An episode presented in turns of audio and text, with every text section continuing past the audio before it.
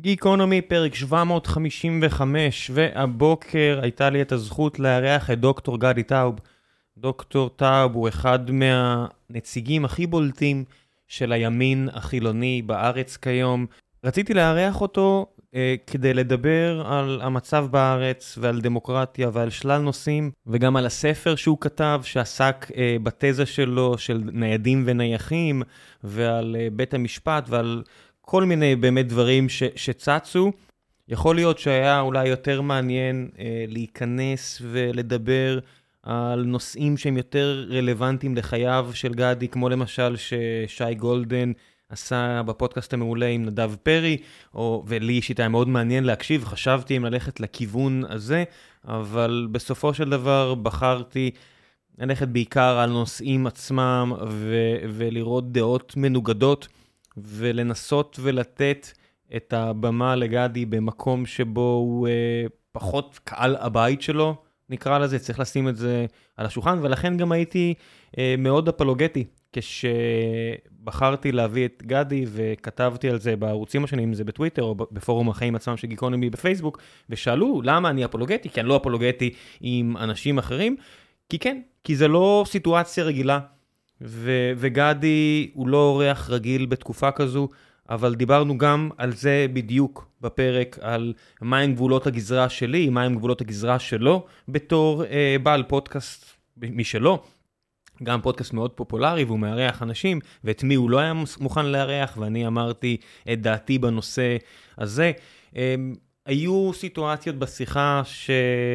רציתי לקטוע יותר ו- וקטעתי, מן הסתם, אתם מכירים, אתם שומעים גיקונים, אתם יודעים שאני קוטע הרבה יותר מדי את האורחים, אז פה שיחקתי בראש בין שתי סיטואציות של כן לתת שיח מכבד, כן לרצות ולהקשיב כמה שיותר, ומצד שני, כשזה מגיע למילים חותכות מדי, לתיאורים שמאוד קשה לי איתם, אמ, אז כן, מדי פעם אמ, קטעתי, ואולי הייתי צריך לקטוע יותר, ואולי הייתי צריך לקטוע פחות. איני יודע, ומה שיצא, יצא. אני מבסוט על השיחה הזאת, בעיקר בגלל שאני חושב שאין דרך אחרת זולת שיחות ולנסות ולהבין ולשוחח, ועם סוג של שיח שהוא שונה ממה שאנחנו רואים במקומות אחרים, אה, וזה לא אומר שהמאבק מבחינתי הוא לא הכרחי, אבל זה כן אומר שמבחינתי לפחות, השיח הוא הכרחי, גם אם רבים מכם יכתבו לי הודעות על כך שזה היה טעות, ויכתבו לי, או בכל מיני קבוצות שכותבים עליי, ויגידו למה אדם חכם יותר כמו אורן נהרי לא אה, קיים את השיח הזה שיכל לענות פה ושם אה, במהלך השיחה בצורות אה, טובות יותר. כן, קיבלתי הרבה הודעות כאלה, ואני מבין את זה. אני מבין את הטענה. גם אני הרבה פעמים הייתי שמח להיות אה, משכיל יותר, וחכם יותר, וחד יותר. אבל אני מי שאני, ואני מנצל את הבמה הזו אה, כמיטב יכולתי. ולפני שנגיע לפרק עצמו, אני רוצה לספר לכם על נותני החסות שלנו, והפעם הפרק מוגש לכם בחסות אופרה בפארק, מדאם בטרפליי. עיריית תל אביב-יפו, בשיתוף האופרה הישראלית, ממשיכה במסורת ההופעות הפתוחות בפארק, כמו שהם עושים כבר כל כך הרבה שנים. מדאם בטרפליי היא אחת מהאופרות כנראה הפופולריות והמוכרות ביותר אה, בהיסטוריה, והיא אה, מועלה בניצוחו של דן אטינגר, מנהלה המוזיקלי של האופרה הישראלית, בבימויו של אה, גדי שכטר, וזה יופי של דבר, וזה אנשים מעולים שגם מגיעים ורוצים להנגיש את זה לכם. אז אם התעניינתם באופרה, אבל אף פעם לא יצא לכם לראות אחת, או לשמוע אחת, או לחוות אחת בעצמכם, אז הנה ההזדמנות שלכם, הכניסה חופשית לגמרי, וזה מתאים למשפחות עם ילדים, ולרווקים, ולזוגות, ולמי שאתם לא רוצים. בפארק גני יהושע, שלושה באוגוסט, מופע פתוח לכולם, כניסה חופשית. מקווה שתהנו. ועכשיו, לפרק.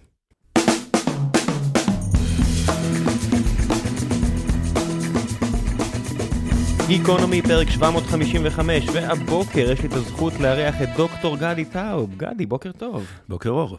אנחנו מקליטים את הפרק הזה לפני שתשעה באב נכנס, ומרגיש לי מאוד סמלי כל הסיפור הזה.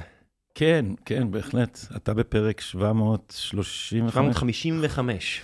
אני בפרק 185, אני התחלתי את הפודקאסט שלי בקורונה, אפילו בלי שם. אה, הלכתי, קניתי מצלמה, חיברתי איזה ריג. ומאז זה נהיה כמעט אה, מקצוע, ואני מאוד אוהב את הז'אנר. אני מאוד אוהב את האפשרות של כולם להגיע לקהל בלי שום אה, עורך או בעל הון כן. וממון ואינטרסים אה, מעליו. ולך יש פה חתיכת ריג עם קונסולה ועניינים וזה, אני בבית, אתה יודע, זה פשוט, אה, היה לי בהתחלה כזה עמוד אה, של אה, מיקרופון אה, ששמים על, לא יודע, שולחן במתנס, והייתה לי איזה מצלמה עקומה ומצ'וקמקת. אני לא רוצה להגיד לך למה יש לי את הדבר הזה. שנייה.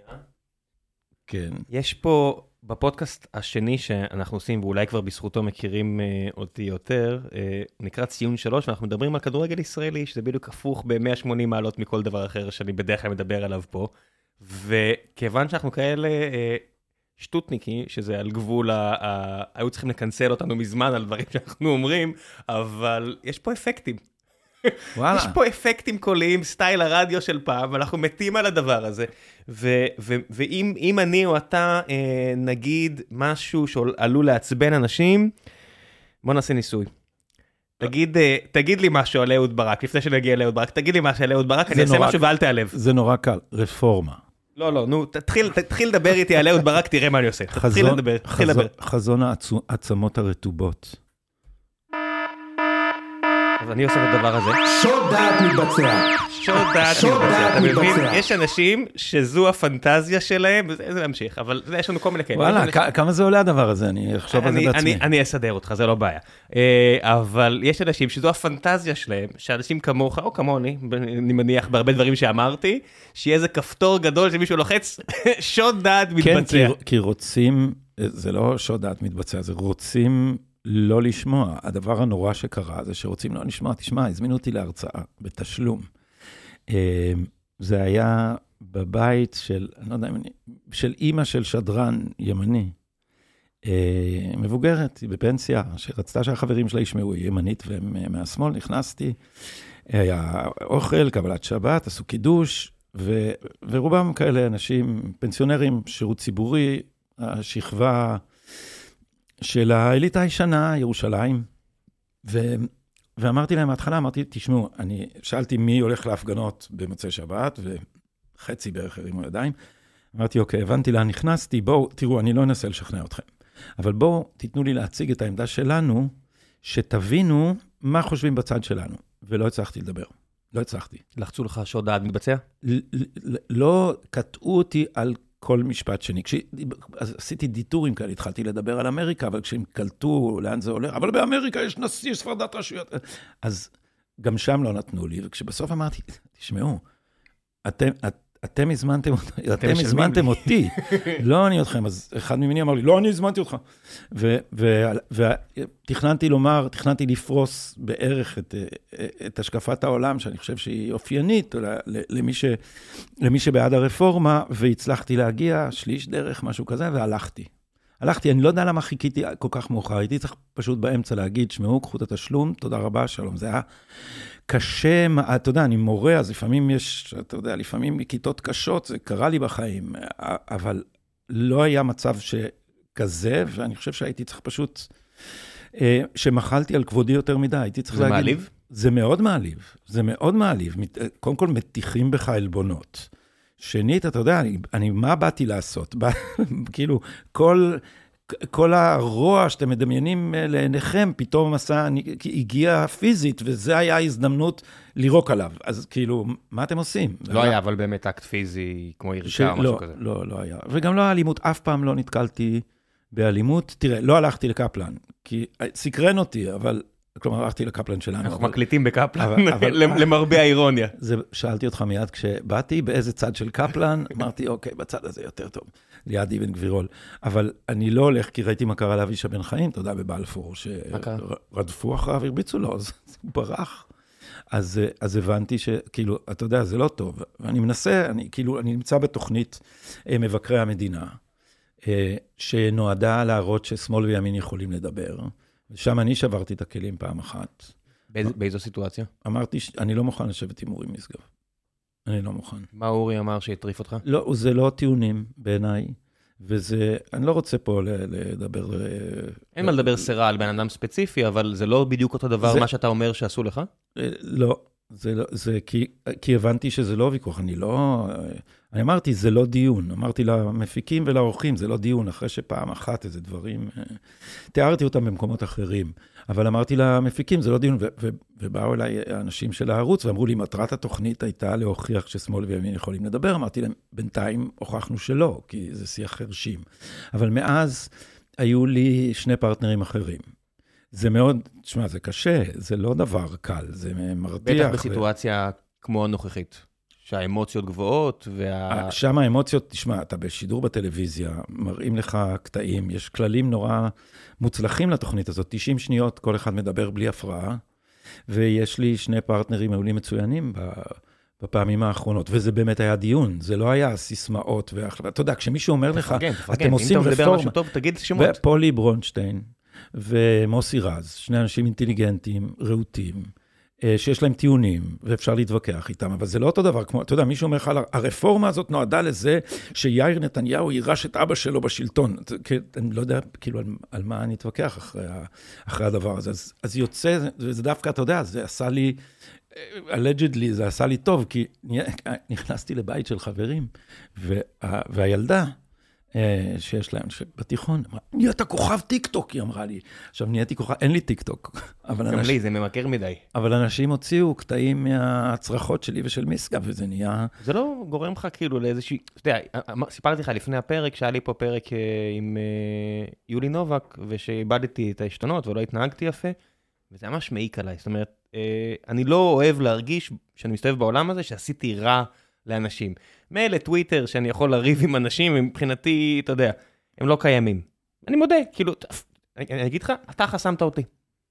קורה. אני חוסם... אני, אני, לא, אני אומר, גם אני חוסם מלא אנשים, כי, כן, לא כי זה טוויטר. שחסמתי אותך. מה זה משנה? אני אומר, אני מבין את זה לגמרי, אני אומר, בטח אמרתי איזה משהו מעליב, או מקטין, או מטופש, או שהיית עצבני באותו יום. אני מבין את זה, זה כן, קורה אני, לי המון. אני מוציא, תראה, הטוויטר, טוויטר זה... אבל זה לא כמו להגיד בן אדם בין פנים אל פנים, כמו שעשיתי נגיד באותו פרק, וואלה, אני מרגיש רע עם זה, איך אתה לא מרגיש רע עם זה שאתה... אני ומשגב הגענו הרבה מאוד פעמים לצעקות אה, אה, נוראיות. אני למדתי הרבה מאוד מזה, למדתי, תראה, למדתי, למדתי, למשל, בוויכוחים האלה, שלא במקרה אנשים שמבוצרים בתוך עמדה אה, לא רוצים לשמוע משהו אחר, ובמובן הזה, בורותם היא כוחם. אני אציג לך את זה ככה, כי כל פעם, כי, כי, כי הדבר הזה קרה לי. אני יכול להבין את זה, אני לא, שים לב, אני לא קוטע אותך, אני מבין את זה לגמרי. בזמן שאני קוטע אותך, אני אומר, אני לא קוטע אותך, אבל אני מבין את המשפט הזה. אה, שבערות היא כוח, אתה יודע, זה מג'ורג' אורוול, אה, שמלחמה היא שלום, יש סיטואציה, בטח בקרב, אתה יודע, היה איזה קצין מפורסם, שאולי אחרי זה נהיה רמטכ"ל ואולי מועמד לראש ממשלה, או לא יודע מה, שאמר לי באיזושהי סיטואציה שהייתי בחדר, לא כולכם תחזרו מהפעילות הזאת. ואני החלטתי לעצמי באותו רגע, אמרתי, זה לא עוזר לי, אני לא צריך לשמוע את זה. יש דברים, באמת, לא בא לי לשמוע. אז יש משהו כזה, ואני יכול להצביע באופן uh, נורא ספציפי, בואו נתחיל להרגיז את המאזינים שלך, אני מרגיש שאנחנו פה רגועים מדי. אז אף אחד מהם לא יודע, מהפרטנרים שהיו לי, לא יודע מה קורה במשפט נתניהו. כולם אומרים, חכה, נחכה לשופטים. עכשיו, אל תגזים, עכשיו, יש, עכשיו, יש יודעים. אני, אומר לך מה היו הפרטנרים שלך. לא, הרוב, הרוב, אה, הרוב לא יודעים, אני מסכים. כמעט אף אחד לא יודע. עכשיו, מה... אז כל פעם שאני מתחיל לדבר על זה, אז אומרים לי, אוי, עוד פעם, נו באמת, אז כן, אז הייתה קונספירציה וטה-טה-טה. עכשיו אני אומר, אני, אני, כי אני הולך לנסות את זה על פולי, אם תהיה לי עוד הזדמנות, עכשיו אנחנו יוצאים לפגרה. מישהו אמר לך, טוב, בסדר, לא הייתה קונספירציה? לא. לא, אבל, אבל אני אגיד לך איך זה בנוי, הוויכוח תמיד בנוי אותו דבר. אני אומר, אתם יודעים שהפרקליטות עושה פשעים במשפט נתניהו, פשעים חמורים, שהיו צריכים להבהיל כל מי שחרד לשלטון החוק. כשאתה מדבר על פשעים, אתה מתכוון פגסוס וכאלה? אני מדבר על דברים הרבה יותר חמורים. אני אגיד לך מה, לי שובר את הלב שאני למדתי. אבל אתה לא נותן לי לגמור את הטיעון, רגע. אז אני אגמר ואז אני אגיד, אתה צודק. כן, ותצביע. כן. אה, אז, אה, כן, המורה. אז, אז אני אומר, אז זה ככה. אז אני אומר, אני אומר לעצמי, בן אדם כמו פולי או כמו רזי, זה אנשים הגונים, אם הם היו יודעים מה באמת הולך שם, אם הם היו יודעים למה קרס תיק 4000, אישום השוחד בתיק 4000, הם אולי היו מבינים שהגישו נגד ראש ממשלה תיק שמטרתו להדיח אותו, למרות שאין שם כלום. כלומר, הייתה הפיכה. אז הם אומרים לי, מה פתאום, זה לא יכול להיות, ונחכה כשזה ייגמר. עכשיו היה החלטה של השופטים. השופטים קראו לפרקליטים ואמרו להם, תשמעו, אין פה שוחד. בעצם אמרו להם, אנחנו, אין פה תשתית ראייתית לשוחד. אז אתה אומר לעצמך, אז אתם לא מבינים מה קרה פה? אתם מבינים שנגד ראש ממשלה צריך להגיש תיק רק אם הוא מבטון. פה הגישו משהו שהוא ספקולטיבי. עכשיו, אנחנו אומרים לכם שהוא ספקולטיבי מאז שזה הוגש. אני פרסמתי מאמר בהארץ לפני שנתיים, שנקרא, בתיק 4000 השופטים זעים באי נוחות. קראו להשתיק אותי. נתי טוקר כתב מאמר שאסור היה לפרסם את המאמר של גדי טאו. והנה, אחרי שנתיים מסתבר שהשופטים באמת זעים באי נוחות, כי באמת אין שוחד. עכשיו, רגע, עכשיו תן, רגע, עכשיו. אבל זה לא מבנה הטיעון. כן. מבנה הטיעון הוא כן. זה. אני אומר, את הדבר הזה, פולי ברונשטיין, מוסי רז, לא רוצים לדעת. כי אם הם ידעו אותו, אז יתפרק יותר מדי. לכן, כי תראה, אם הייתי אומר לך, תשמע, מתנהל פוטש, אז הדבר ההגיוני לעשות, בוא תבדוק. עכשיו, פה זה נעצר, הם אומרים, לא יכול להיות שהייתה קונספירציה, הם לא בודקים. הם לא בודקים, אני לא מדבר. אורי מיסקה ישב מולי ואמר, לא התבצעו כל פשעים, זה הכל המצאות של, של אה, אלי ציפורי. אתה אומר, אתה קראת את המסמך, 222 עמודים, של ז'אק חן, שמונה דברים, בית המשפט מאשר את נכונותם של עבירות חמורות שעשתה הפרקליטות בחקירות של העדים, בהסתת ילד נגד אביו, בהקלטה, בחדר היוועצות, בהתערבות בין, אה, בין לקוח לעורך דין, בלחיצה וסחיטה של עדים, בחדירה לא חוקית לטלפונים, כל הדברים האלה. לא, לא התבצעו פשעים, כי לא רוצים לדעת, כי מה שקרה פה, ראם, אני רואה שאתה מצביע בסוף הזה, ניתן כן. שאלות. כי מה שקרה פה, הדבר החמור בעיניי שקרה פה, זה שאין עיתונות, כי העיתונות הפסיקה להיות כלבת השמירה של הדמוקרטיה, ועברה להיות כלבת התקיפה של הפרקליטות. מקבל חלק מהדברים שאתה אומר, הנה הנקודה שלי. בין אה, מה שאתה אומר למציאות, יש גם פרשנויות אחרות, אתה יודע, קורולציה זה לא בהכרח סיבתיות.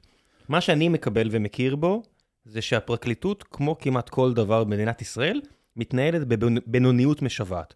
ואני אומר, אם אני רואה עשרה, עשרים, שלושים מקרים אחרים שבהם הפרקליטות או גורמים אחרים בציבוריות הישראלית הם בינוניים להחריד, למה שאני לא יניח שגם כאן יש בינוניות משוועת שהובילה לטעויות. זאת אומרת, המרחק בין פשע, המילה פשע, לבין בינוניות הוא גדול. אתה יכול להגיד רשלנות למשל. אני יכול, כן. יכול להבין רשלנות. זאת אומרת, אני דיברתי עם איזשהו מישהו בפרקליטות לאחרונה, והוא סיפר לי קצת. ואמרתי, בוא'נה, אני ממש מבאס אותי לשמוע שככה מתנהל תיק נגד ראש ממשלה, אבל אני לא מדבר איתך קונספירציה או מילים שאתה אמרת ש, שאני תכף רוצה, ארצה להתייחס אליהם, אלא בינוניות. ואני אומר, בנוגע ל... בוא נסתכל טיפה אחורה. אני אומר, רק עשור אחורה, או כמה שנים לפני כן, הורשע ראש ממשלה, מהצד השני. זאת אומרת, הלהיטות להרשיע ראש ממשלה, שאתה מפרש אותה בתור קונספירציה, אולי היא פשוט תכונה של המערכת, של רצון לתפוס תיק גדול ושמן, עם האישיות הכי גדולה שאפשר, נשיא, ראש ממשלה, אה, שרים בכירים. לא סותר, ואתה צודק לגמרי לגבי הבינוניות. אתה תראה, בלב, אה, בלב תיק 4000 הרי יש, אה, הרי גילו שהסיקור לא היה אוהד. זה, המשבר היה שהסיקור לא היה. התחיל מתחקיר של גידי וייץ, שאתר וואלה זה אתר הבית של משפחת נתניהו וטה-טה-טה, ואז גילו שהסיקור לא היה אוהד. אז החליפו את המושג במשהו שאין בחוק, והוא עניין של מידה. של, החליפו את זה בהיענות חריגה לדרישות סיקור. כן, שמעתי את ינון למשל מדבר, ינון מגל מספר, ש... וינון אומר, כן? ינון אומר, באמת היה דרישות חריגות. אה, הוא אומר, באמת לא קיבלנו, לפי מה שהבנתי מהשיחה איתו עם חיים לוינסון, אני לא ראיתי את התמלול בבית המשפט, כי ינון גם עד בבית המשפט. הוא, הוא, ינון אומר שזה היה חריג. הב- הבקשות, כן, כן, כן. אז, אז, אז בסדר, אתם אומרים שיש... שיש אין אתם, אני ואתה לא, פה. לא, אתם, אני אומר הפרקליטות. אוקיי, אתם כן. אומרים שהייתה היענות חריגה לדרישות סיקור. חריגה ביחס לאיזה נורמה? ח, חריגה ביחס למה? אין. איך אתם מגישים כתב אישום שבו האשמה היא חריגה ואתם לא אומרים איזה נורמה? ואז אתם מסתירים מההגנה, בטענה שזה לא רלוונטי, את ההיענות לאחרים שהייתה יותר גדולה. אז אילן ישועה אומר להרצוג ערב הבחירות מול נתניהו, הוא אומר, תפנה אליי בכל מה שאתה רוצה, אני אדאג לך, או משהו, או משהו כזה, הניסוח שלי לא מדויק. ואת זה מסתירים מההגנה, והיא מוצאת במקרה. אז אני מסכים איתך, אז קודם כל השופטים אומרים, השופטים אומרים, אה, נדמה לי שזה השופט שחם שאמר, אתם מדברים על היער, אבל אתם לא מראים לנו את העצים, איפה הייתה ההיענות החריגה הזאת? ואז הם הולכים ומביאים 315 מקרים של היענות חריגה, שכמעט כולם עורבא פרח. קודם כל, איזה 40 אחוז מתוכם פשוט לא היו. זה למה הם טעו? הם טעו כי הם לקחו את זה מהטלפון של אילן ישועה כנראה, ושם היו הבקשות, והם לא טרחו לבדוק שהבקשות האלה לא נענו. אז בתוך ה-315 יש, הרוב זה בכלל זה לא משנה אם הם. נהנו או לא, זאת אומרת, אם הבעלים של הערוץ אה, דוחף לכיוון מסוים, הרי הקשר ב- הוא... בטח שזה משנה, כי אם, כי, אם הם, כי אם הבקשות לא נענו, אז לא הייתה היענות חריגה, כי זה שוחד. מצד, מצד העיתונאי אבל- קצה. זאת אומרת, אבל, לא מצד אבל אנחנו, מנהל הערוץ. אנחנו רק מדברים כן, אבל- על הרשלנות כן. של הפרקליטות. הבאתם את כתב האישום הזה בלי דוגמאות, וכשהלכתם להביא דוגמאות, חצי מהן לא נכונות. יש ניתוח של פרויקט 315, אבל אתה יודע, כשאני, כשאני הבאתי במאמר בהארץ את מה של פרויקט 315, תשמע, מי שרוצה להתווכח על העניין הזה, שיתווכח על בסיס העובדות, אז תלכו לבדוק מה בדקו בפרויקט כן. אבל 315. אני רוצה להגיד, אתה יודע, אתה אומר, יש הרבה שיח של אנחנו ואתם, ואתה מייצג אותנו, זאת אומרת, את המחנה של, שלך או שלי, וזה לא משנה, כאילו כל הדברים האלו, ואני אומר, אתה כבן אדם, שאתה למשל קורא, אם, אם יצא לך לקרוא, את התחקירים של אה, גידי, אה, של גידי וייט, שהוא עיתונאי אדיר בעיניי, תאהב אותו או לא תאהב אותו, הוא עיתונאי. לא נשארו הרבה לא כאלה. נכון. אז חכה, אז אני אומר את זה בעיניי. אמרתי בעיניי, אני לא קובע כן. שום דבר אבסולוטי. הם אקטיביסטים, הם לא עיתונאים, הם אקטיביסטים. אני אומר בעיניי. אתה יכול להגיד את דעתך, כן. אני אומר, לדעתי, עיתונאי אדיר. וכשאתה קורא את הדברים האלה, מה עובר לך בראש? אתה אומר, זה שקר, או, אוקיי, אני לא אוהב את הדברים האלה, אבל אני מוכן לחיות איתם. תראה, כל עוד האמנתי לזה, אמרתי, אולי תפסו אותו על משהו. לא, לא, לא מדבר פלילי.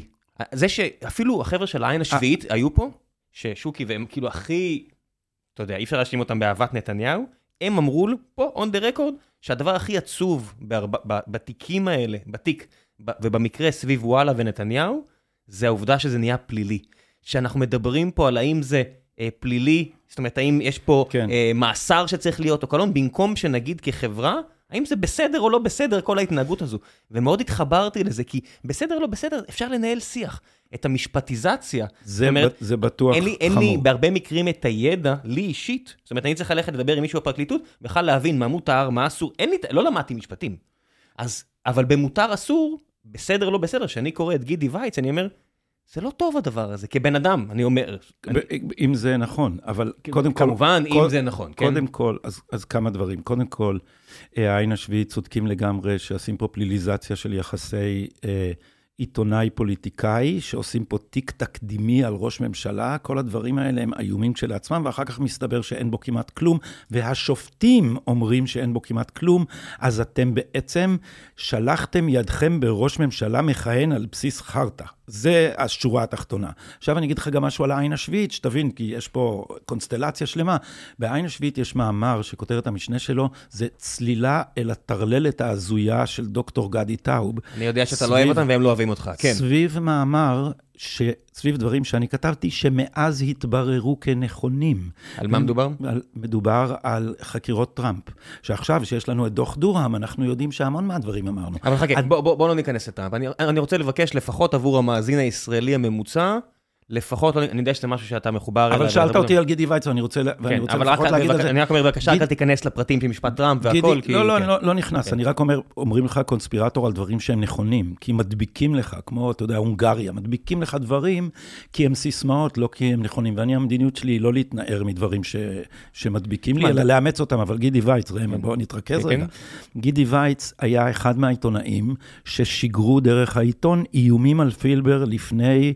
העדות שלו, במהלך העדות שלו, במקרה של גידי וייץ. זה דבר, בזמן שאת עוזרי ראש הממשלה מגישים להם כתב אישום על זה שהם עמדו עם רמקול מתחת לבית של פילברג, אנשים איימו על פילבר דרך העיתון, והם לא עומדים לדין. אז גידי וייץ יש לו מניות פה, ואם אתה תראה את כתב האישום ביחס לתחקיר המקורי של גידי וייץ, גידי וייץ לא גילה לקוראיו שכמעט לא נשאר כלום מהתחקיר שלו, שטען שאתר וואלה זה אתר הבית של משפחת נתניהו.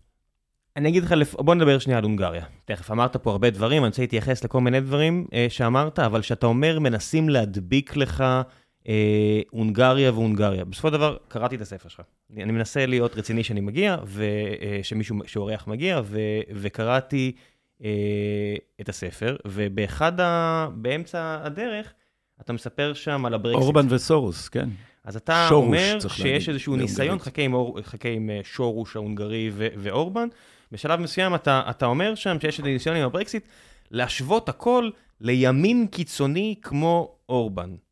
זה מה שאתה כותב, אני אמצא עם את הציטוט המדויק אם אתה רוצה, רשמתי לעצמי. ואני אומר, אם אתה בעצמך אומר, אורבן ימין קיצוני, אז מה, מה אתה רוצה מהארץ? כאילו, אתה יכול להגיד, אני לא זוכר את הציטוט הזה. אז אבל- אני אמצא אותו ואני אבל- אגיד לך, אבל אני אבל- יכול להגיד לך ש- שאורבן בהונגריה, ואת זה לא יודעים, בהונגריה יש ימין קיצוני, יש מפלגה ניאו-נאצית, קוראים לה יוביק. והמפלגה הזאת לא בקואליציה עם אורבן, הוא מחרים אותה. אתה ולעומת רוצה זאת, שאני אקריא לך? ולעומת זאת, כן, כן. אבל, אבל תן לי לסיים. מאה אחוז. ה- לעומת זאת, לעומת זאת, השמאל חבר ליוביק, מפלגה גזענית שרצתה לעשות רשימה של היהודים בהונגריה, חבר למפלגה גזענית אה, כדי להפיל את אורבן. אז תקרא לי את הציטוט. אז בוא בוא תגיד לי למה התכוון המשורר, ואולי לא הבנתי. תקרא לי את כולו, כי כן, יכול כן, להיות בוודאי, אני שאני- מקריא לך את להיות שאני הפסקה, כי יכול. להיות שלא הבנת. אה, לא הבנתי, סליחה. את הדחף הדמוקרטי שהניע מחנה גדול שתמך במהלך. בגלל שהדמוקרטיה שחסידי הברקסיט ביקשו לגונן עליה, הדמוקרטיה האנגלית היא ליברלית במובהק, לא רק שקשה להאשים את המחנה כולו בלאומנות, גם לא הוגן לתייג אותם כדמוקרטים אנטי-ליברליים ברוח ויקטור אורבן בהונגריה למשל. אבל בעלי הנטייה הגלובליסטית, הגלובליסטית, מעדיפים תמיד לסווג את הפרטיוטים יחד עם ימין קיצוני ככל האפשר. ואני אומר, תקשיב, אם אז אני לא קורא את אמרתי זה... פה. אם כן. אני קורא את זה כראם שרמן, שקורא, אתה יודע, עשרות לא- ספרים לא- בשנה, ולא מכיר אותך ולא מכיר את ויקטור אורבן, מה שאני מבין מהפסקה הזו, זה ויקטור אורבן ימין קיצוני ככל האפשר. אז- רק אני אומר, כן? אז, אז, זה לא, אז אתה מבין לא נכון, כי הוא לא, קודם כל הוא לא הימין הקיצוני ככל האפשר בהונגריה, אבל הנטייה לתאר כל פופוליזם, כלומר, במקרים האלה, ההתקוממות הלאומית-דמוקרטית נגד הגלובליזם, לתאר אותו כימין קיצוני ככל האפשר, אה, זה הדבר שמנסים לעשות. ובמקרה של אורבן, תשמע, הציטוט מתייחס לזה שאורבן אמר, דמוקרטיה לא ליברלית. זה ניסוח, ניס, הוא התכוון לא פרוגרסיבית. הניסוח הוא בעייתי, אה, אבל אני לא, אתה יודע, אני בכלל לא נשוי לאורבן, למרות שאני חושב הרבה דברים גם טובים על אורבן. אבל אני חושב שכל הוויכוח, שזה, וזה התחיל, כי הם חיפשו דרך להדיח אותי מהארץ, אז זה התחיל זה מידיעה. להדיח, לא תפקיד זה- ציבורי, הם לא חייבים להעסיק אותך אם לא רוצים. אבל הם היו צריכים תירוץ. הם ריצו תירוץ בכל אופן. אז הם, הם סגרו לי את הטור, נכון? אז הם, כשהם סגרו לי את הטור, זה התחיל, הסנונית הראשונה הייתה מאמר של אור קשתי, שניסה לרמוז, אם כי לא אמר שאני איכשהו מקבל כסף מממשלת הונגריה דרך מכון מחקר שנקרא שזה MCC. לא נכון? לא, זה לא נכון. הייתי ב-MCC להזמין, אה, הזמינו אותי לתת שתי הרצאות, הם שילמו לי את הטיסה והם שילמו לי את המלון, שהיה כל כך גרוע ששכרתי חלק מהזמן מלון אחר, כדי ש... כי במלון שהם שכרו לי לא היה שולחן לכתוב עליו. אני הייתי צריך לעבוד על המחשב, אז שכרתי לעצמי על חשבוני עוד מלון. אז הדבר הזה, עכשיו, אתה יודע, אנשים אה, מוזמנים לאוניברסיטת שנגחאי, כאילו, אתה יודע, זה דיקטטורות קצת יותר אה, ברורות. ישב ו- פה ו- מולי מתן ומובהקות. וילנאי, קצין כן, טור הוא- שבחים שנהניתי מאוד לשוחח איתו, והוא אמר, ואני אמרתי הוא גם, ראש הסניף של אוניברסיטת שהוא- שנגחאי בישראל. כן, אה, כמו שאני רוצה להגיד, אתם עושים- שאני מקבל, חלק מהמשכורת שלי, המשקיעים פה, זה, אה, יש חברה סינית ענקית, ויש אה, אה, חברה יפנית שמקבלת כסף מסעודיה, אז מי שרוצה להגיד, כן, אני, אני מכיר במורכבות של הטיעונים. אבל כן? לתת שתי הרצאות בזה. עכשיו, מאז, קודם כל, אני, למה נסעתי לשם? כי הבנתי שאומרים דברים לא נכונים על הונגריה. אז אמרתי ל-MCC, שפגשתי אותם באיזה פסטיבל אחר, שבו התקשרו אליי, הייתי, ב, הייתי ברומניה, בסמינר על ישראל, באיזה מקום בערים הקרפטיים, אתה יודע, זה משהו תעזוי, אנשי, אנשים שעושים תואר שני מכל הגילים, באיזה ריטריט כזה מדהים באמצע הקרפטים, שאי אפשר להגיע אליו, כי יש רק דרך עפר, ומביאים אותך כזה במיניבוס מקרטע, ואז בועז ביסמוט ביטל הופעה שלו באיזה, באסטרגום בהונגריה, במסגרת איזה פסטיבל אוניברסיטאי של MCC. אז, אה, אז, אז ביקשו שאני אגיע, ו, והגעתי, לקחו, שלפו אותי, אמרתי להם, תשלחו הליקופטר, אין איך להגיע לפה. שלחו איזה מרצדס שהגיע ולקחה אותי לשדה תעופה ולקחו אותי לשם. נשמע כמו חוויה מגניבה ושם למדי. הכרתי אותם, ופגשתי שם את, אה, את אה, אדם שכבר הייתי איתו בקשר, לבנטה בנקו, השגריר ההונגרי, שהיה בישראל, איש מאוד נבון, ו, ואז אמרתי להם, תשמעו, אני מאוד מתעניין במה שקורה פה, כי כל הזמן אומרים דברים על הונגריה, ואני מרגיש שזה אנשים שאומרים את זה, אני לא סומך עליהם. אז אני רוצה להבין מה קורה פה. אז הזמינו, דיברתי עם אנשי MCC, אמרתי להם, אני אתן לכם הרצאות, בתמורה, תנו לי פה לדבר עם פרופסורים למשפטים. אני אבוא לפה, אני אשב כאן כאילו שבועיים. תעזרו לי עם קשרים... אה, לא, תעזרו לי להבין. לא, אני אומר, מה זה בתמורה? מה זה... מה זה בתמורה? הם לא חייבים לי את זה. אתה אומר, כאילו, בוא תעשו לי גוטיים, ואני רוצה... לא גוטיים במובן המטרני, אלא אני רוצה... אני רוצה לבוא לפה ולדבר עם אקדמאים, ולהבין מה קורה, ולהבין מה קורה במערכת משפט שונה משלך בשפה אחרת, זה מאוד מורכב. אבל כל הדיון על הונגריה הוא פשוט מצחיק. בהונגריה יש סכנה אמיתית לדמוקרטיה. כמו בהרבה מדינות באירופה. הסכנה האמיתית לדמוקרטיה בהונגריה זה איחוד אירופה. איחוד אירופה זה בדיוק האב טיפוס של מה שקראתי לו ליברליזם אנטי-דמוקרטי. לכן פחות מעניין אותי הדמוקרטיה הלא ליברלית של ויקטור אורבן, ויותר מעניין אותי הליברליזם האנטי-דמוקרטי של איחוד אירופה. כן. תשמע, הגעתי לספר שלך אחרי שקראתי כן. דאגלס מרי, את כל הספרים שלו, אז זה מן הסתם מתחבר היטב. אה, אבל רגע, שנייה, אני רוצה שנייה אחת לחזור מהונגריה, אני אומר, שאתה אומר אנחנו ואתם, אתה לא מרגיש שיש איזשהו, איזושהי מידה של נכונות, כשאתה אדם חילוני אה, ליברל, והמילה ליברלי טעונה, אפשר לקחת על איזה מקום שאתה רוצה, אבל כשאני קורא למשל לדאגלס מרי, שהוא מספר על האיסלאמיסטים שבאים לשנות את אופייה החילוני של צרפת, שאצלה החילוניות היא בחוק כמעט, או האיסלאמיסטים שמגיעים להולנד ועורפים את הראש למישהו שרק העז להגיד משהו נגד אה, הנביא. או האסלאמיסטים בבריטניה. ואני אומר, אוקיי, אני מסתכל על ממשלת ישראל שמביאה אה, מקום בממשלה לנציג של חסידות גור. וחסידות גור, אם אני קורא עליה, קורא עליה, ואם אני לא מבין היטב, אני אשמח לת, לכל תיקון אפשרי. אבל כשאני קורא לחסידות גור, אחוז מהאוכלוסייה היהודית בארץ עם מקום בממשלת ישראל, וואלה, זה דברים מזעזעים, שאם היית כותב לי אותם, והיית אומר לי, זה איסלאמיסטים עושים בצרפת, הייתי אומר, ריבונו של עולם, מה זה הדבר הזה? אבל זה בממשלה הזאתי. זאת אומרת, יש להם נציג בממשלה שאחראי על נושא כל כך חשוב, ואם אני טועה, אני, אני לא, לא שאני מפחד מתביעה, אני אומר, תקנו אותי, אני רוצה להבין. אז הלכתי וקראתי את אה, טוביה טננבאום והזמנתי אותו. אמרתי, הלכתי וניסיתי לחפש עוד דברים. אני רוצה לשמוע מישהו שיגיד לי שאני לא מפחד סתם מכך שאחוז מהאוכלוסייה היהודית שמביא שישה וחצי ילדים בממוצע לאישה, זאת אומרת גידול אקספוננציאלי שיעלים אותי ושכמותי, אם, יינתן מספיק זמן. אני אומר, אני כבר לא אהיה פה, אולי הנכד שלי לא יהיה פה, כי המספרים צריך לתת להם זמן. אבל ההתנהגות פה, שהיא יושבת בממשלה כבר, היא הכי אסלאמיסטית שדאגלס מרי כותב עליה. אה, אה, אני... תודה שלא קטעת אותי. אני, אני נדהם שאתה אומר את זה, כי דאגלס מרי מתחיל את הדיון שלו בזה שנכנסו למערכת העיתון הסאטירי שרלי אבדו, כן. ורצחו שם את כל המערכת, כי הם פרסמו קריקטורות נגד הנביא. הוא כותב הרבה דברים בספר. אז... אחד מהדברים זה אכן האסלאם האלים. אבל אני מביא לך רק דוגמה אחת מהרבה. מאוד. אז החסידות גור בינתיים לא מבצעת פיגועים. אני אגיד לך שאני מסכים עם השקפה של לא חסידות החוצה. גור. מי שיצא החוצה ל, לרבי אלתר, לא רבי, אה, אה, אה, מי שהעז להגיד שלא צריך לשנן את התורה, אלא אשכרה ללמוד את המתנה הזו שהעם היהודי קיבל, חוטף, אני ראיתי אתמול לא סרטונים של ילדים, שאני לא. אגן על השקפה שאני לא מסכים איתה בשום דבר. אבל אם זה אנחנו ואתם, אם הדיבור הוא אנחנו ואתם, אז זה אתם. זאת אומרת, בממשלה הנוכחית, מי שמקדם את הרפורמה המשפטית, יש ייצוג לא מבוטל בכלל להם. כן. אני אומר, אם הדיבור הוא באמת כזה של אנחנו, הם, אתם, בדיאגרמת ון הזו, זה לא אני, זה אתה. אתה מבין? כי אני לא חושב שזה הדיבור. אני לא אוהב את השיח הזה. אבל אני אומר, אם אנחנו עושים לו רדוקציה לדיאגרמת ון... אבל למה אתה עושה לו רדוקציה רק בצד אחד? ולמה אתה לא אני, אומר... אני... למה אתה לא אומר שבצד שני יש את ווליד טאה, שקורא ליוראי, שכחתי את שמו, סוטה? למה אתה לא לוקח בחשבון את זה שזכויות נשים נרמסות בצורה קטסטרופלית בישראל ולשמאל לא אכפת בכלל? אז תהיה לעשות המים האינטרנטי של why not both. היי hey, חבר'ה, לפני שנחזור לפרק הזה עם גדי, אני רוצה לספר לכם על נותני החסות הנוספים שלנו, והפעם זו אוראל שופן. אוראל היא יועצת זוגית ומינית מהמוערכות בתחום. היא מלווה זוגות ויחידים בתהליכים של ייעוץ זוגי ומיני או משולב, ופנויים פנויות בתהליכים ליצירת זוגיות. מי שרוצה זוגיות ולא מצליח, מי שכבר נמצא בזוגיות והתקשורת לא טובה או שהמיניות מבאסת, זו סיטואציה שממש יכולה לחרב את החיים שלכם, להפוך הכל לאפור יותר והרבה הרבה הרבה פחות uh, כיפי.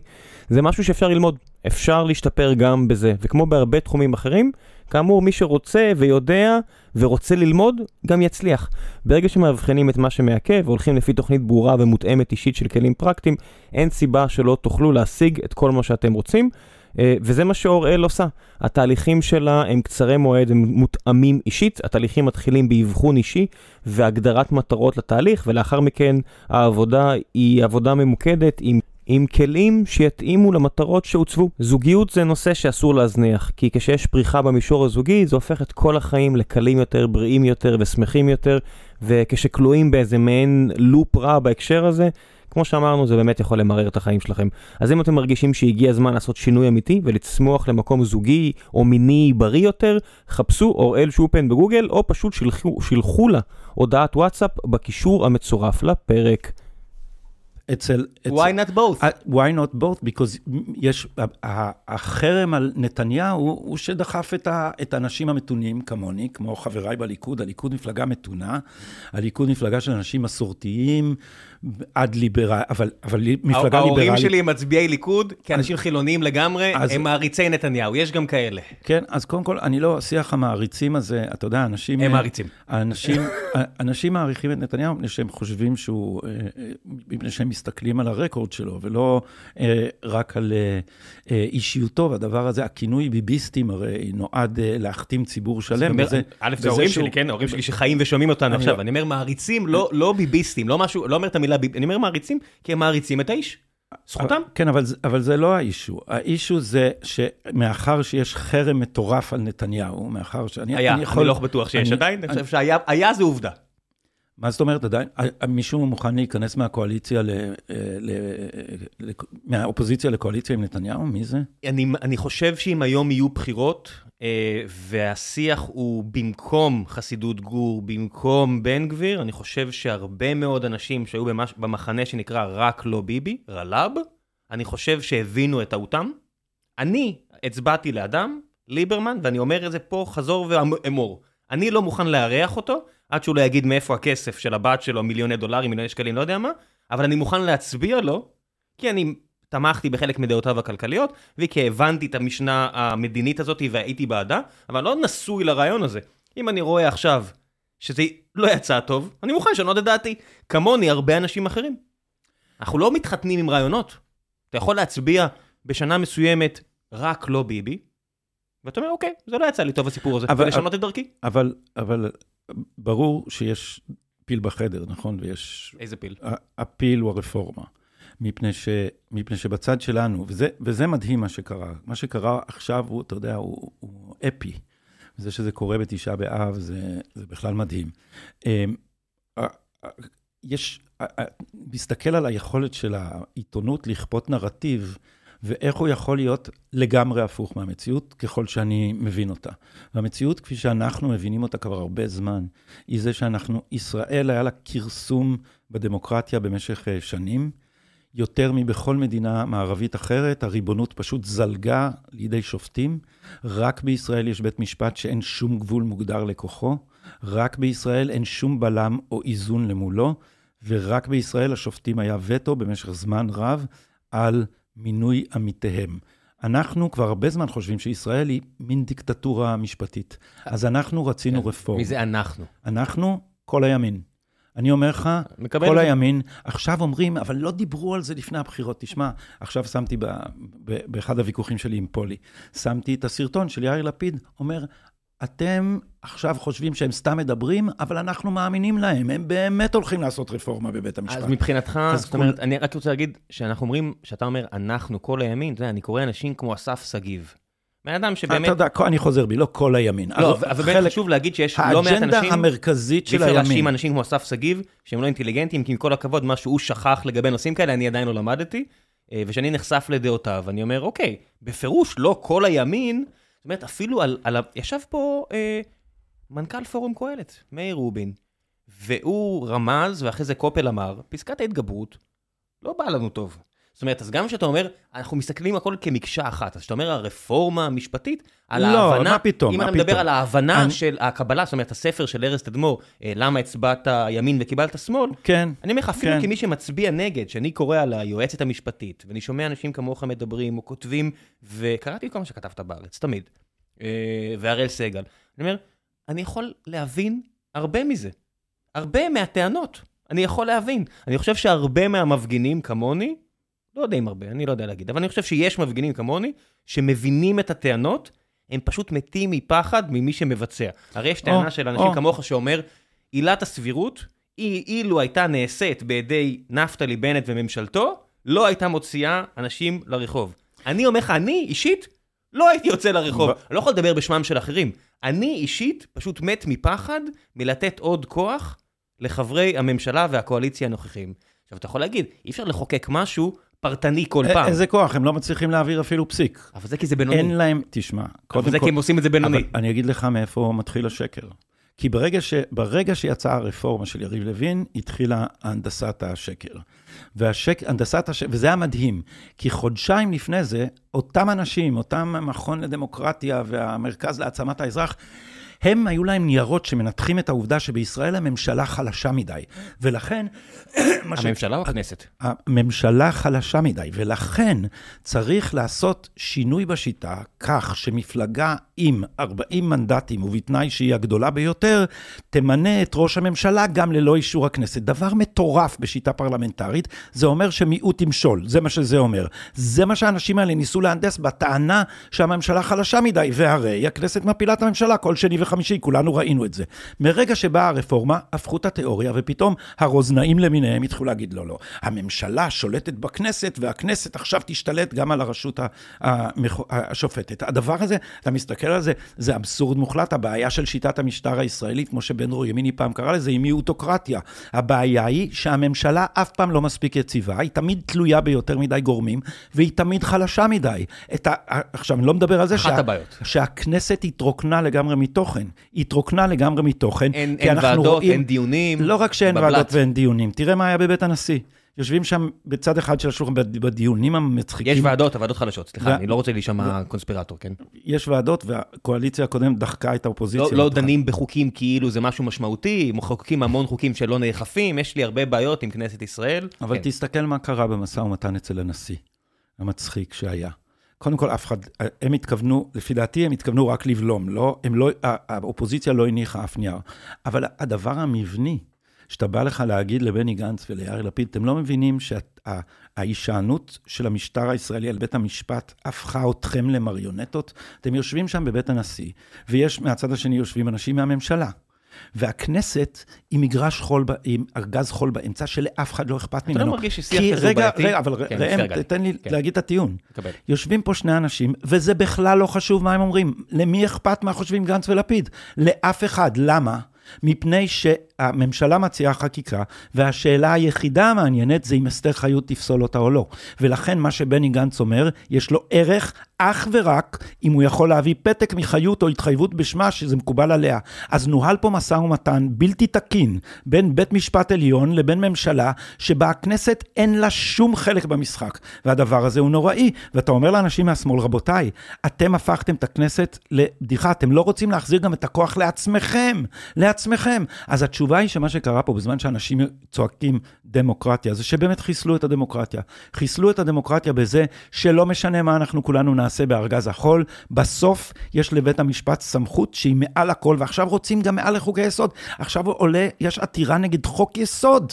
אתה מבין שזה הש- זה הפיכה של כל התזה שעל בסיסה אהרון ברק השיג לעצמו במחטף את הכוח לפסול חוקים. כן, על, הם- מה, על מה היה הכוח הזה מבוסס? הוא היה מבוסס על זה שחוקי היסוד, לפי טענתו, במשתמע, נתנו לו את הכוח הזה, לא חשוב שבמשתמע לא אמור להספיק. אה, אבל החוקים נגיד... היו גם לפני אבל כן, יש פה בהחלט שינוי. אני לא- לא אגיד שלא היה שינוי, אבל כן. נגיד, נגיד שבמשתמע הכנסת נתנה לו את זה. עכשיו אסתר חיות לוקחת לדיון גם את חוקי היסוד, כלומר היא שמה את עצמה למש, מעל מה שלישראל יש חוקה, היא שמה את עצמה מעל החוקים שלכאורה נתנו לה סמכות לפסול חוקים, ועכשיו היא הולכת לפסול חוק, או אם היא תפסול, אני לא יודע, היא הולכת לפסול חוק שאמור להסדיר את הסמכות שלה.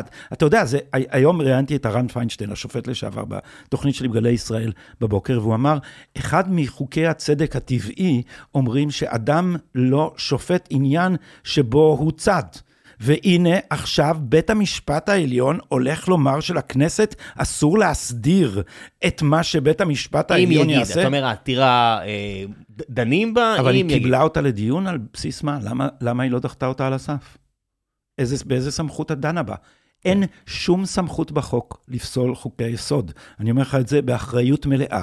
אין שום דבר בחוקים של מדינת ישראל שמקנה לכנסת לבית המשפט סמכות לפסול חוקי יסוד. הדבר היחיד שעושה את זה, זה שבית המשפט לא מכיר בשום סמכות מעליו, וחושב שהוא השלטון. אתה לא חושב שהשיח הזה, שהוא, שאני בטוח שאתה לא באמת מאמין בגישה הזו, ה- אני אגיד, ואני רוצה להסביר למה אני מתכוון, כשאתה אומר, אין פה דמוקרטיה, בית המשפט מעל הכל, הכנסת משוללת מכל כוחה, והיא רק צריכה פתקית צטלה מאסתר חיות שמסכימה. הרי ברור לך ש... ואני אני הראשון שאגיד את זה בשיחה הזאת, שרוב בית המשפט העליון, לדורותיו, מוטה שמאלה, נכון? שנינו מסכימים על זה. בהינתן סיטואציה כזו, ברור שהמדיניות של מדינת ישראל, מאז 67' ועד היום, לא קשורה לשמאל.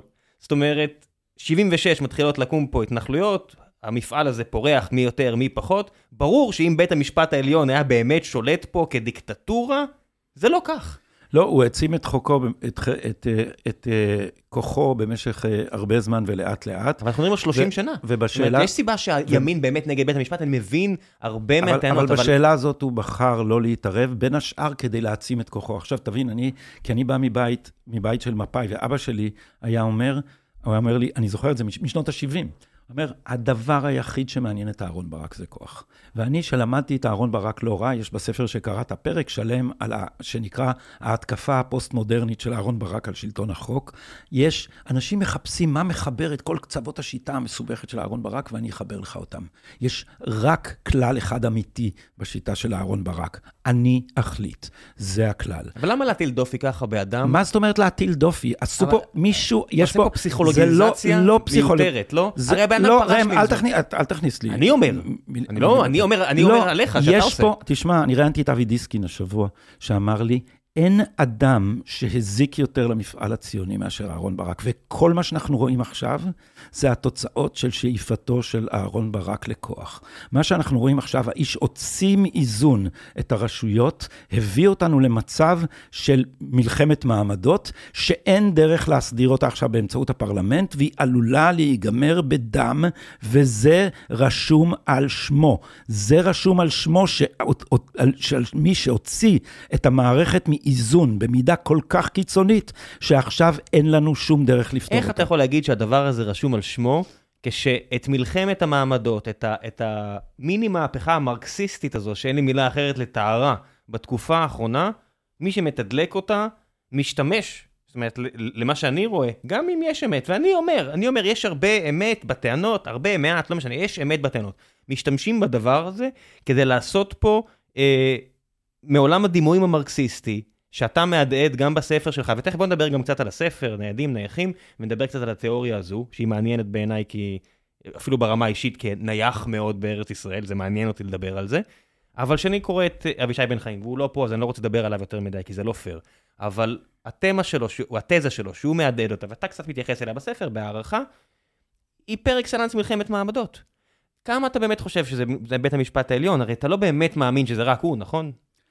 אני אומר, אחת הסיבות שנסעתי ללמוד את העניין ההונגרי, והוא באמת אה, מאוד מעניין, ואמרתי לך קודם, שמה שמעניין שם זה שהונגריה נלחמת על הדמוקרטיה שלה נגד איחוד אירופה, זה שגם שם מי שחותר תחת הדמוקרטיה באירופה זה בית המשפט האירופי לצדק.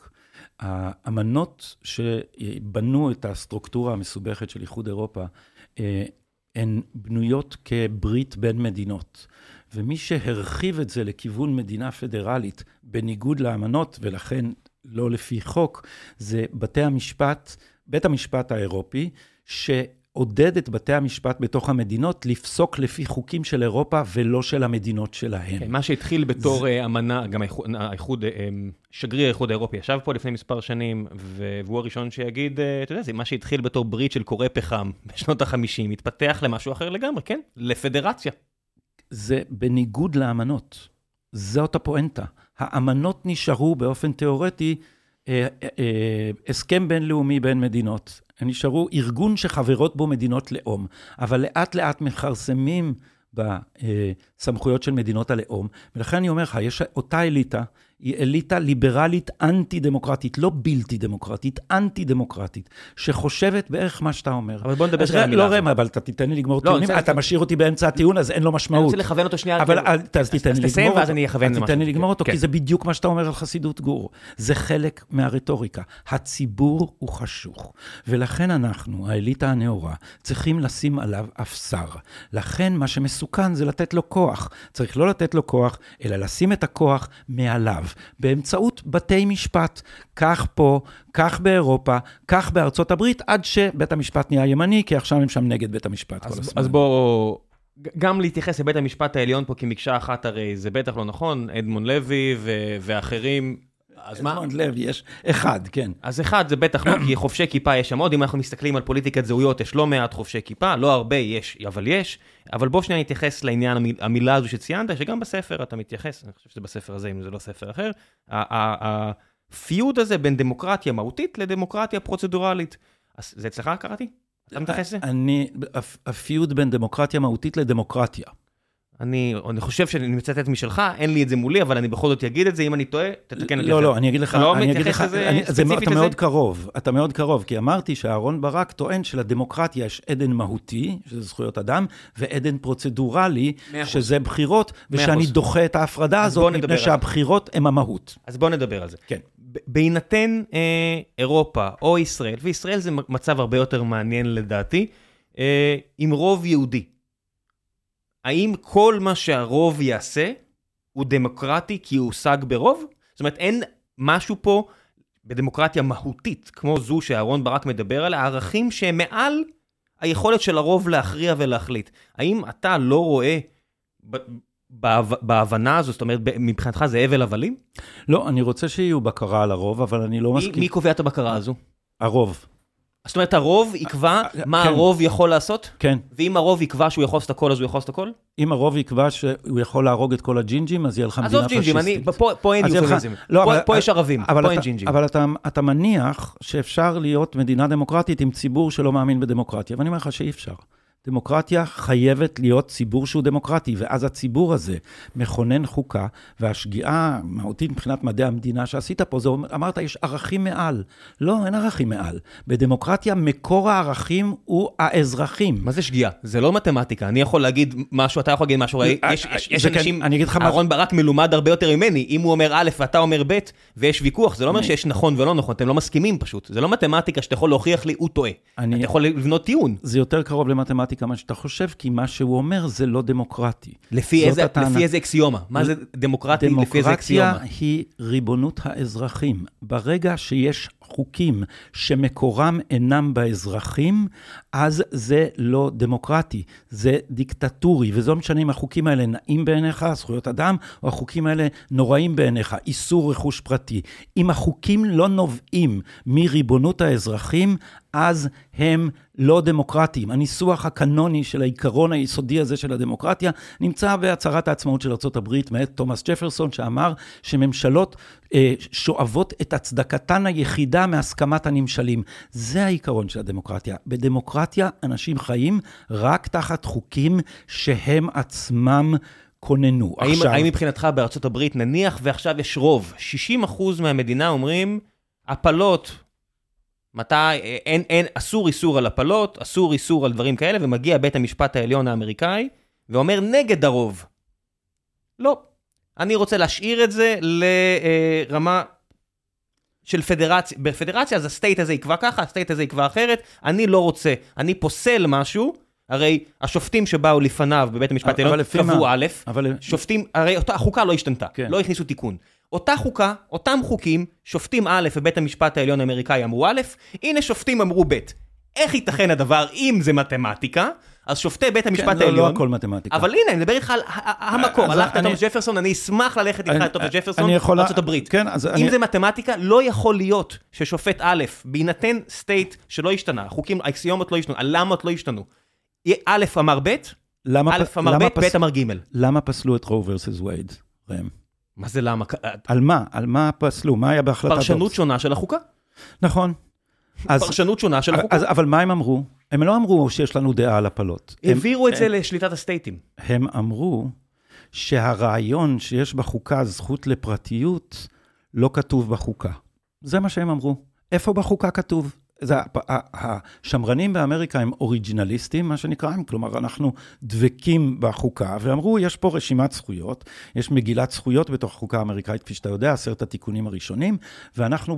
הסתכלנו על כל התיקונים, ועד התיקון, כמה יש? 26 עכשיו, אז אנחנו, או יותר כבר, אנחנו הסתכלנו על התיקונים, לא, לא, לא שבעה, יש שם, יש, התיקון, זכות הצבעה לנשים זה התיקון התשעה עשר. איסור אלכוהול זה התיקון השמונה עשרה. הכניסו שם המון דברים, בינתיים זה בוטל. לכו לראות קן ברנס על האישור השמונה עשרה, יצירת מופת. אבל, אבל העניין הוא ש, שהם אמרו, אנחנו לא מחליטים בענייני הפלות בכלל. אנחנו רק אומרים לכם שבחוקה... אין זכות לפרטיות. אין דבר כזה בחוקה. אז עכשיו אתם, מה הם אומרים? אז עכשיו האזרחים תחליטו אם אתם רוצים ככה או אם אתם רוצים אחרת. הרוב ב- בכל מדינה יחליט, אפשר לשמוח בזה, אפשר להתעצב בזה, אבל הדיון הוא חוקתי. הדיון אומר שמקור הסמכות הוא החוקה. תראה, בהצהרת העצמאות של ארה"ב כתוב שכל בני האדם נבראו שווים, שזה self-evident, ושלבני האדם האלה יש זכויות שאינן ניתנות להפקעה בגלל שהם מאלוהים. אף שופט אמריקאי לא יעז לומר בבית משפט, תשמעו, יש לנו זכויות מאלוהים, החוק הזה אה, אה, סותר את הצהרת העצמאות ואני פוסל אותו. כל שופט אמריקאי יודע שהמקור היחיד לפסילת חוקים היא החוקה שאושררה בידי האזרחים. המקור העליון של הסמכות הוא תמיד ריבונות האזרחים. לכן, איך מתקדם איחוד אירופה?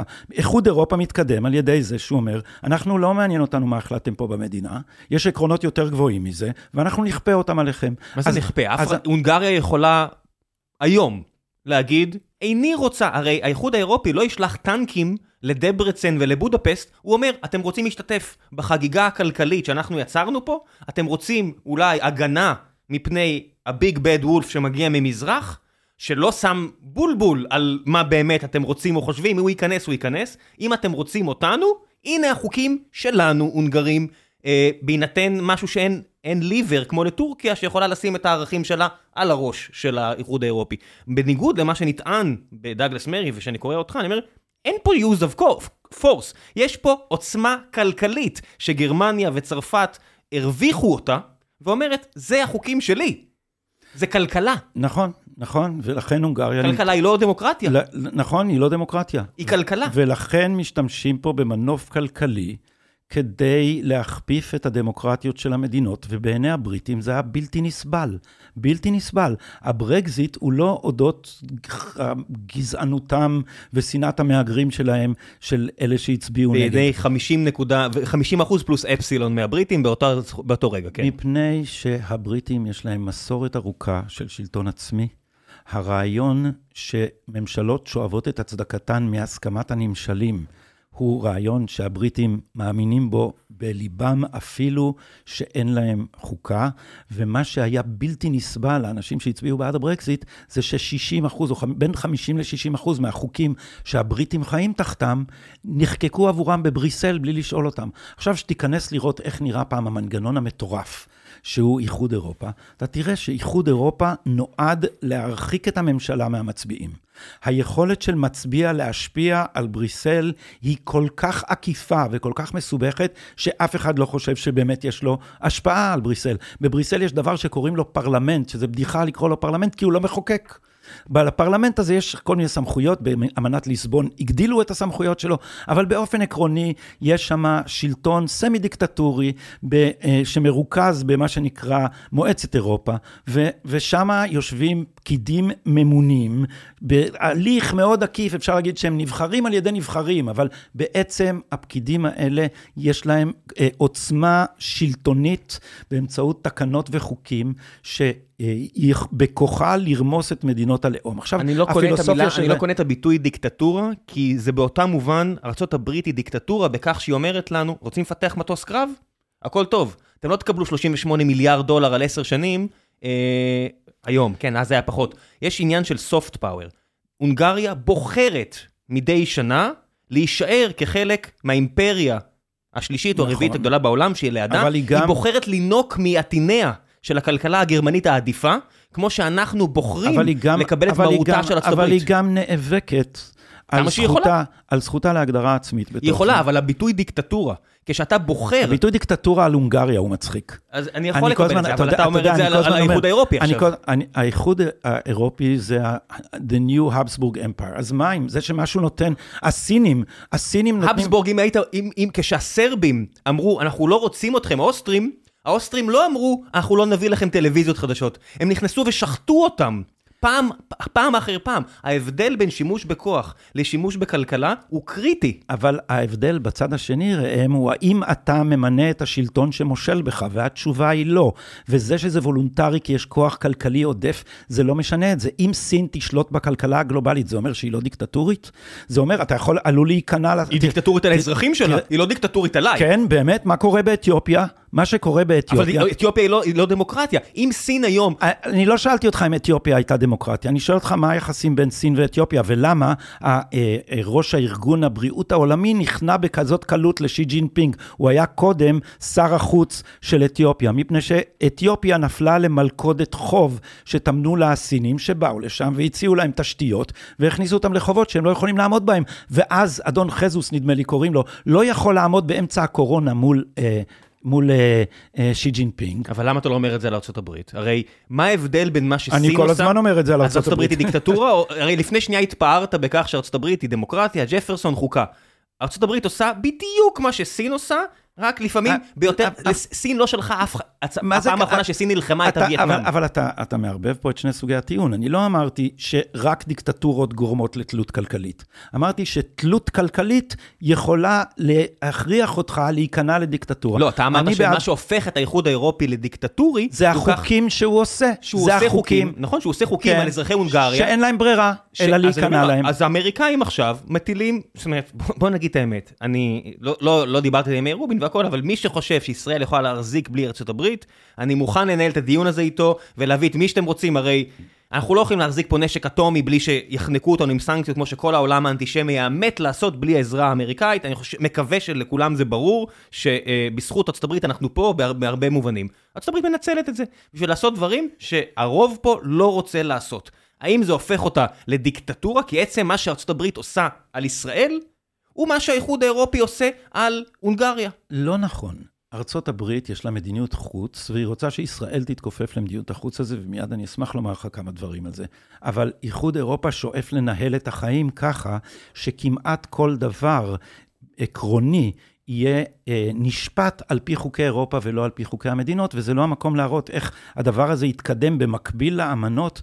הת, התחילו ערעורים של חברות אה, כלכליות בתוך המדינות לבית המשפט של איחוד אירופה כדי לכפות את החוק על המדינה.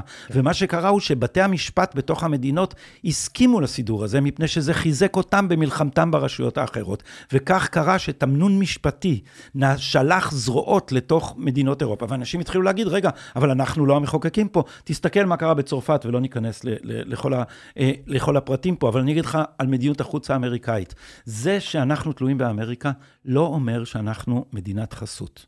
אה, רק הזמנתי לך כמה זמן נשאר, אני רוצה אה. שנהיה מודעים. כי אני אה. צריך לשים פה איזה שעון גדול, שיהיה לי תמיד פה. אה, אז אני אומר שתי מילים על מדיניות החוץ. מדיניות החוץ של ממשל ביידן, העיקר שבה זה ההתפייסות עם איראן. מאז אובמה יש לפרוגרסיבים באמריקה רעיון לאיזון חדש במזרח התיכון, על ידי זה שזה יהיה איזון סוני-שיעי, ולכן צריך להוציא את איראן מהבידוד. מי מפריע לזה? ישראל. אז עכשיו... אה, גם אז סעודיה. עכשיו, אז סעודיה עכשיו מגששת לכיוון איראן, כי הם הבינו שהאמריקאים נטשו אותם. אז המדיניות שהתחילה עם אובמה הייתה לנטוש את בעלי הברית המסורתיים, את סעודיה, ירדן, מצרים וישראל, לטובת פייסנות כלפי איראן. נתניהו מאוד מאוד הפריע בזה. זה הדבר שביידן עכשיו לא רוצה אותו. ומה הוא היה צריך מהישראלים? את מה שגנץ ולפיד נתנו לו, חיוכים. כי אז זה מחליש את האופוזיציה למדיניות איראן מבית. כי, כי כשה, כשהישראלים מסכימים, אז אז אומרים לטד קרוז, אז מה אתה רוצה? לישראלים זה לא מפריע, אז גם לך לא. אז זה שאנחנו תלויים בארצות הברית לא אומר שאנחנו צריכים להכפיף את ראשנו לכל מה שהיא רוצה, ואנחנו גם, צריכים גם לצעוק אני, נגד מדיניות זה, איראן. אני אומר, בסופו של דבר זה בחירה שלנו, כמו שזו הבחירה של הונגריה להשתתף בו. אני רוצה להחזיר שנייה לנושא שהוא הרבה יותר קרוב למאזין, האוזן הישראלית, וזה אותם אה, ג'ינג'ים ברשותך, ואני לא רוצה לקרוא להם ג'ינג'ים, אצלי זה ערבים. האם שני בדמוקרטיה... קרחים יושבים ומדברים על ג'ינג'ים, זה באמת לא יפה. מה הקשר בין ג'ינג'ים לקרחים? שערותיהם אה, לוהבות. הבנתי. לי, החבר'ה בצוות בצבא תמיד אמרו שיש לי שיער של אפרסק. אה, שאני מאוד אוהב את זה. אה, היה. לא, כשאתה מקריח, אז יש לך שיער קטן ודליל, השיער של אה. אפרסק. אה, בסוף, הדאגה, וכן, ואני אני הראשון, שוב, אני הראשון, אמרתי את זה מלא פעמים, אני אפסיק. אה, שמעתי את אה, שי גולדן ואת אראל סגל אצל אה, אצל נדב פרי, פודקאסט פצצה, לכו להאזין. יופי של נדב. אז הוא דיבר, והם אמרו יפה על, על כמה שהכיבוש מרעיל, וזה זה משהו מדהים שקורה בשבועות האחרונים, שגם אה, אנשים כמו ארז תדמור והראל סגל מדברים על זה שהכיבוש מרעיל אותנו, דברים שפעם היית שומע רק משלום עכשיו. ו, והם מדברים שם על זה שאנחנו עושים דברים מכוערים, כי אין ברירה. ובואו אני רוצה לדבר שנייה על האין ברירה הזה בתוך המדינה מאשר בחוץ. האם בדמוקרטיה כפי שאתה תופס אותה, 51 אחוז, איפה עובר הגבול למה 51 אחוז יכולים לעשות ל-49 אחוזים, וזה עדיין ייקרא דמוקרטיה. אני לא יודע להגיד... אני לא יודע להגיד אה, מה הגבול באופן עקרוני. צריכות להיות זכויות מוגנות למיעוט. אני מאמין שאם... אם הזכויות, רגע, אני, אני, אני אגיד כמה דברים, ואז אתה תגיד כמה שאתה רוצה. בהינתן אין חוקה, אין משהו שהוא מעל זכויות הרוב.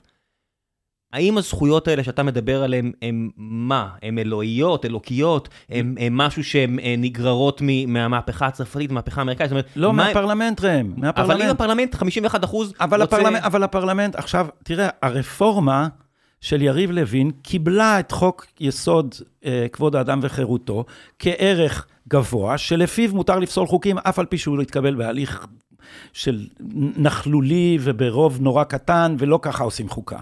ואף על פי כן, היא קיבלה אותם ואמרה, אלה הגבולות של רצון הרוב, אז מה רוצים?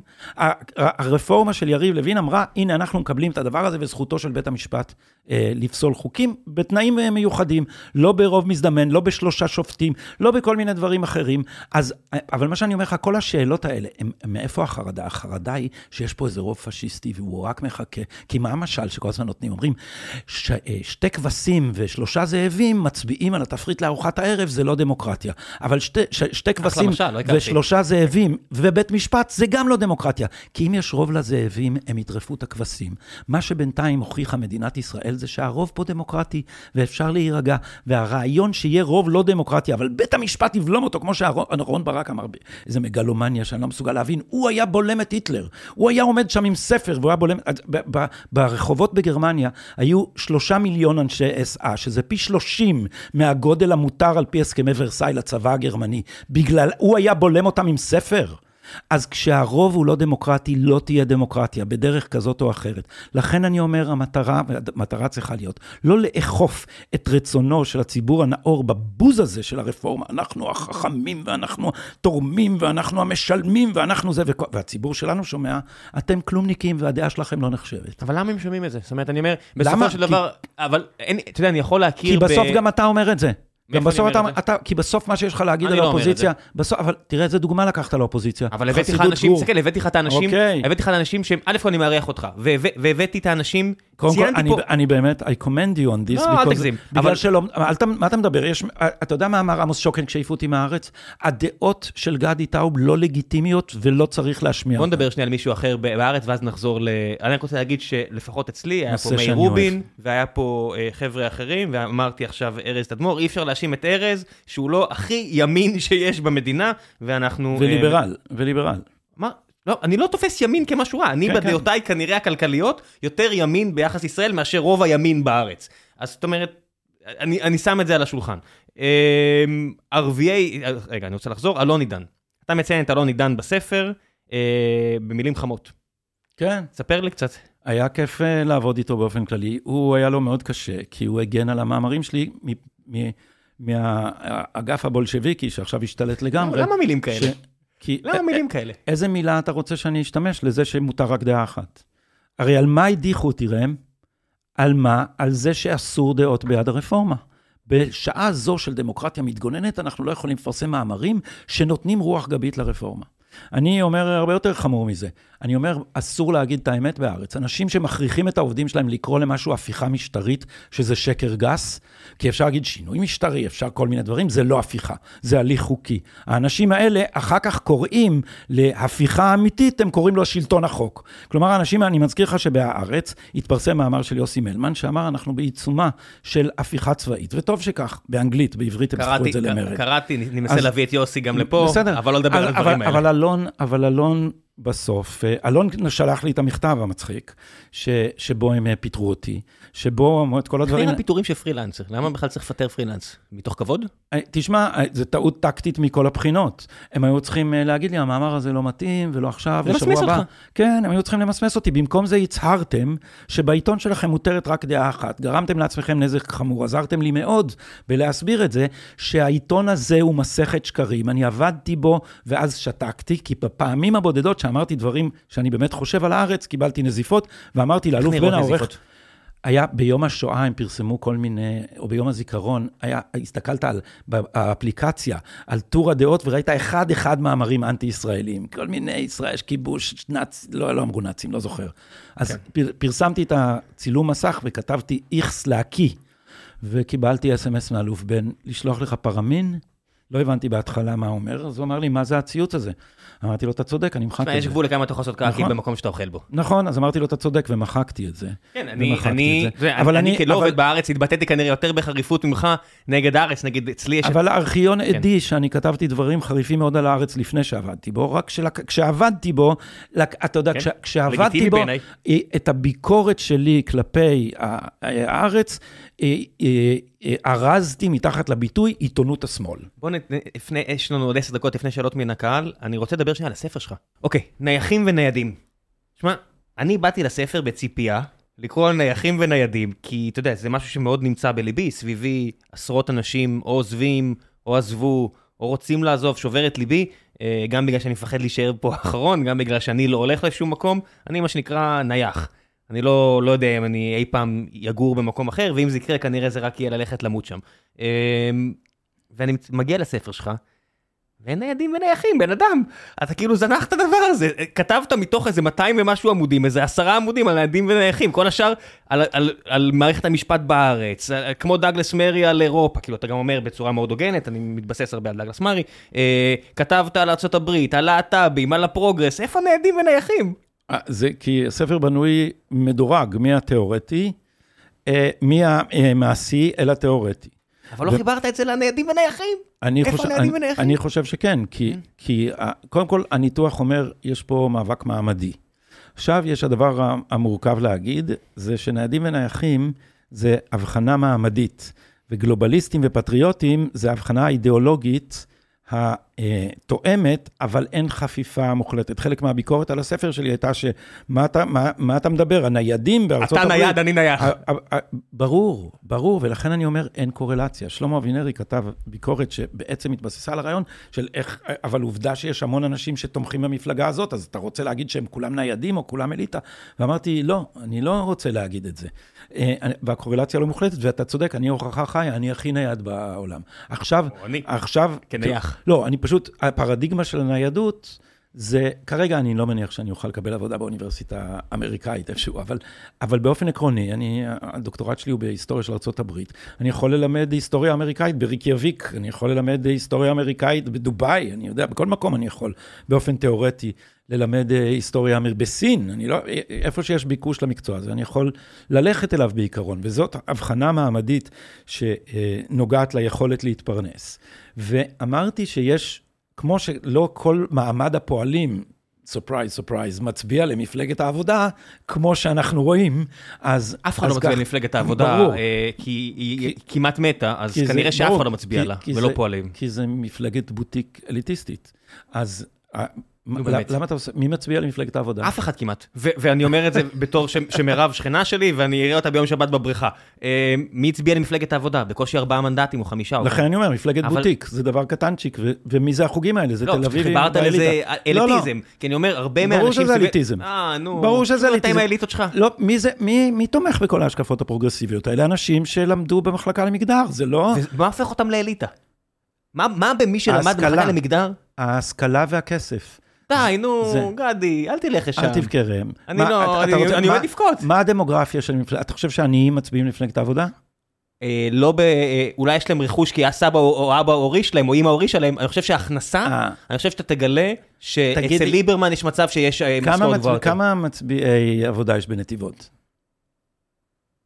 אני לא מר, אני לגמרי, אני לא יודע, אני- ואני מנחש שזה לא מעוז הכוח שלהם. אני אז בטוח. זה- אז זה כן עניין מעמדי, אבל זה לא כזה לא, חשוב. אני אומר, אז עניין אז לא- גיאוגרפיה, למה אליטה? מה- מאיפה, למה המילה הזו בכלל? זאת אומרת, המילה הזאת של אליטה, אני אומר, יושבים פה למה- חבר'ה מהציונות הדתית, שישבו פה, הם, הם פרופסורים, הם דוקטורים, הם היו בצנחנים, היו עוד בתקשורת, עוד אגף של הכנסות, האליטה, אה, עוד אגף של האליטה. אבל אתה- הם אבל לא אתה- אליטה הרי. רצית לשאול אותי על נעדי מנחם. לא, אז אני אומר, אבל איך זה מתחבר? זאת אומרת, אני בטח שהם פה- אליטה. מה זאת אומרת? יש, ויש, ויש גוון אליטיסטי מאוד בעייתי בעיניי, גם שחלקו בעייתי. ב... אני לא, אין, אין עולם בלי אליטות. מה זה אליטה? תסביר לי מה זה המילה הזאת. אליטה זה בעלי ההון החברתי. הון חברתי יכול להתחלק להרבה סוגים של הון, הוא יכול להיות, וואי, וואי, המזגן הזה זה קטלני. אז ההון החברתי יכול להתחלק להון שמבוסס על קשרים, להון שמבוסס על תרבות, להון שמבוסס על יכולת השפעה, להון שמבוסס על הון כספי ואחרים, וזה החלקים העליונים של האליטה, שיש להם כוח אה, עודף מחוץ לשיטה האלקטורלית. ו, ויש אליטות אה, בכל מקום. השאלה אם האליטות מייצגות את הערכים והרצונות של הציבור, כי אפשר להגיד, אתה יודע, בסופו של דבר, אה, אה, אה, מעצם זה שמישהו נבחר לכנסת, הוא הופך להיות חלק מהאליטה, נכון? הוא הופך להיות חלק מהאנשים... הוא מיד מכניס ש- אה, 50 ש- אלף שקל פלוס, הוא ש- מיד יש לו הרבה כוח, הוא נכון, יכול להגיע והוא לב- מיד לבימות משפיע. גדולות. כן. נכון, אז כאילו, ההבחנה אליטה כשלעצמה היא הבחנה לא מאוד פורה. למה אנחנו משתמשים השאלה היא, במילים האלה? למה לא להשתמש במילים יותר מדויקות? למה, למה, מה לא מדויק בזה? כי כמו שאתה אומר, בסופו של דבר, אם, אם אני אלך ל... לא יודע מה, איזה כנס קבלנים באשקלון או באשדוד, ואני באר שבעי, אז אני מרגיש יכולת להגיד את זה, או אפילו בשכונה שההורים שלי בסוף, לפני שהם עזבו את באר שבע, יש שם מספיק אנשים שמכ... שמכניסים כסף טוב, והם לא מצביעים, אתה יודע, הם מצביעים ימין. זאת אומרת, אני אומר, השימוש הזה, החלוקה, זאת אומרת, אני אומר, שוב, אני לא, אני לא יכול להאשים אז אותך. אתה רוצה שלא יהיה, בכלל, שלא נדבר על מעמדות? למה כן? מפני שהנה, אני אומר לך, זה ההבחנה בעיניי השימושית. אגב, ההבחנה הראשונה, הראשון שחשב שה... אה, מה ש... מה שמגדיר את המעמד העליון זה הניידות, זה היה זיגמונד באומן, בספר מאוד מוזר על גלובליזם, שלא מיצה לפי דעתי את, ה, את ההבחנה הזאת. אבל, אבל אמרתי לעצמי, מאחר שהמאבק הפוליטי, תראה, כל העסק הזה התחיל ממאמר, זה נורא כיף לכתוב בארץ, כי אם אתה אומר, אתה מצטט בתחילת מאמר את מרין לפן, אתה יודע שיהיה תשומת לב מכל הכיוונים, וכולם אלא אם כן אתה. אומר, היא מטומטמת.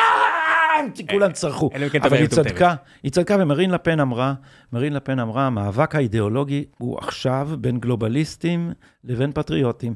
וזה נכון, אפשר למצוא את עצמך בכל מיני מקומות על הספקטרום, אבל זה, אבל זה המאבק. ומה שניסיתי לומר בספר, המאבק הזה יש לו גם תשתית מעמדית. כי זה לא מקרה שהאליטה שבכוחה הכלכלי להתנייד ואינה קשורה למקום, נוטה יותר לקבל את ההשקפות הגלובליסטיות. אבל צריך להגיד יותר מזה, כי האג'נדה האמיתית של האליטות הליברליות באירופה היא לא סתם אנטי-דמוקרטית, כי בשורשה היא קודם כל מבוססת על החרדה מהלאומיות. זה הדבר העמוק. אני מקבל את מה שאתה אומר, הזאת- כי התפיסה הזאת האיחוד של נולד מ- מ- מהפחד המצמית אחרי שתי ממלח- מלחמות עולם, כן, נכון. שנולדו מלאומיות. ברור. שאתה- אפשר לגרור את זה לבן אדם הראשון שהתחיל את זה, ששבר את מונה- המלוכנות, נפוליאון, אה. שמחליט להרים את צבא העם הראשון, כולם קמים עליו, והוא, לא יודע אם בתגובה או לא, כובש חצי אירופה, הורג מאות אלפי אנשים, מיליוני אנשים כמו דיקטטור מטורף, ויש סיבה שבפריז אין אפילו רחוב או כיכר שקרויה על שמו.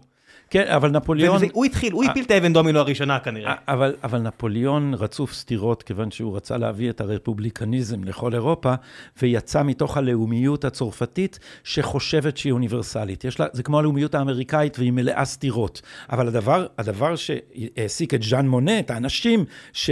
שייסדו את איחוד אירופה, הם אמרו, איך אנחנו נקשור את מדינות אירופה כך שהלאומיות לא תתפרץ עוד פעם. כדי שלא יהיה מלחמה. אז התפיסה שלהם, זה נכון גם בישראל, אנשים כמו זאב שטרנל, מניחים שהבעיה שיוצרת, מלחמות זה הלאומיות. הם חושבים גם הדת קודם, אבל אחרי זה הלאומיות, וזה הנרטיב שלהם, ולכן צריך משהו שיאגד את כל הלאומים יחד וימיס אותם לאנושות אחת של השיר Imagine של ג'ון לנון. או ב- אם אתה חנון כמוני. קצרה. כן. כן, כל אבל, אחד והעולם שלו. אבל האנשים האלה שכחו שגם תפיסות אוניברסליות הביאו ללא פחות רצח. למעשה, אם התחרות היא במספרים, יותר רצח.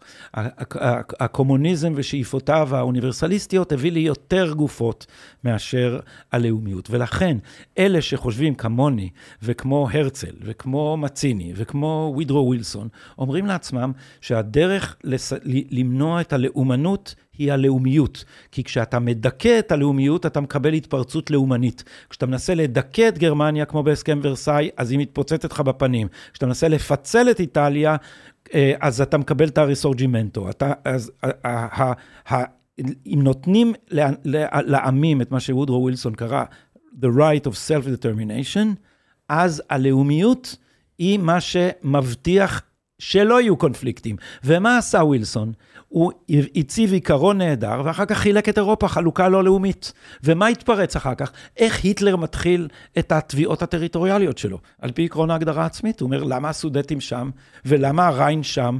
ולמה דנציג אצל הפולנים? יש שם גרמנים, אני רוצה לאחד את גרמניה. שמעתי איזו תיאוריה מופלאה שווילסון לא אה, רצה ללכת כל כך חזק, וקלמנס, הצרפתי, נורא רצה להשפיל... קלמנסור. את הג- קלמנסור, נורא רצה להשפיל את, תודה על התיקון, רצה להשפיל את הגרמנים, ובגלל אה, השפעת, מה, שאנחנו, מה שנקרא השפעת הספרדית, אה, ווילסון 2018. היה שבועות אה, במיטה, בזמן הסכמי ורסאי, וזה סינדל לו את הרצון אה, לעשות את זה הרבה יותר מרוכך. אבל אתה יודע שז'ורג' קלמנסו התייחס בספקנות רבה לכל האידיאליזם של ווילסון, זה נראה לו תמימות.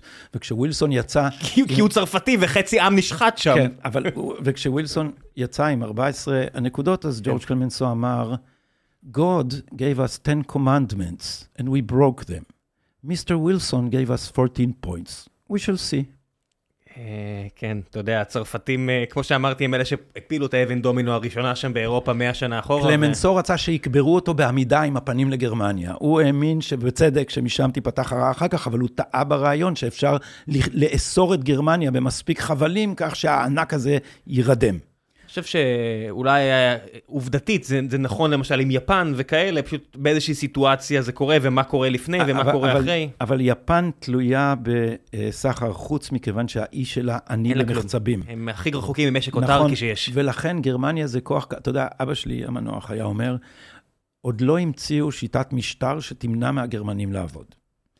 זה נכון, גרמניה זה אה, אומה עם כוח כלכלי אדיר, ומה שהחזיק אותה מתחת למגף היה המלחמה הקרה. אז אתה יודע, הצבא הסובייטי וה, והצבא האמריקאי מצד שני. בואו נעשה פה קצת שאלות. אה, מן הסתם יש פה גם הרבה שאלות וגם הרבה הערות אליי על כך שאני מעז לארח אותך. בוא, קרא לי מהם, כי, או תסביר לי אותם, למה, למה, למה השנאה הזאת, או למה הזעם הזה? אז אנחנו תכף נתייחס לשנאה, אה, גם מתייחסים לכך שכשלפני, ש... בדרך כלל אני פשוט אומר, אני הולך לארח ככה וככה, ו-I'm done with that, וחוזר לדיי ג'וב, כי גם ככה אני כנראה מבזבז יותר מדי זמן על דברים אחרים, ורץ לעבוד. אה, במקרה שלך, אה, הייתי יותר אפולוגטי. ואתה יכול לשאול אותי, למה הייתי יותר אפולוגטי? זו שאלה לגמרי לגיטימית, וגם שאלתי את עצמי, למה אני יותר אפולוגטי? השאלה היא, ש... התשובה היא שיש פה קצת צביעות. מן הסתם, אני חי בתוך אה, עמי. אה, רוב האנשים סביבי יכעסו עליי או כועסים עליי, או אמרו לי שהם כועסים עליי על כך שאני בכלל נותן לך הזדמנות, אבל הם לא רק, אה, וחשוב לי להעביר את זה, הם לא רק הארץ. כועסים עליי על זה שאתה בכלל מגיע, אלא על כך שאני אתן לך, או כמו לדבר, שנתתי, חלילה. אה, לתת לך את הטענות שלך, ולא העמדתי אותך, אמרת פה דברים שמן הסתם, על הרבה מהם אני לא מסכים, ולא קטעתי, כן קטעתי, אבל אה, לא קטעתי הרבה. זה נחשב לא הרבה. וואו, אוקיי. וואו, כן, אני אומר לך, הפודקאסט אוקיי. מזעזע. הפודקאסט הזה מזעזע, באמת, אני אני לא יודע איך אנשים אבל הוא מאזינים. פופולרי, אז הנה. אה, הכל הכל לזה, זה כנראה אפשר לעשות פחות, Mm. אבל אה, היו רוצים שאני אקטע אותך הרבה יותר ולא אתן לך לדבר. כי מייחסים לי כוונות רעות. אתה מבין שזה כאילו זה הדבר. אני נפרדתי מחברים על השאלה הזאת, כי יש לי חברים שכתבו לי, אתה יודע, אימיילים זועמים וזה, ואז שאלתי שאלה אחת פשוטה. אתה חושב שאני שותף עכשיו להשמדת הפרויקט הציוני. אני חושב את אותו דבר עליך.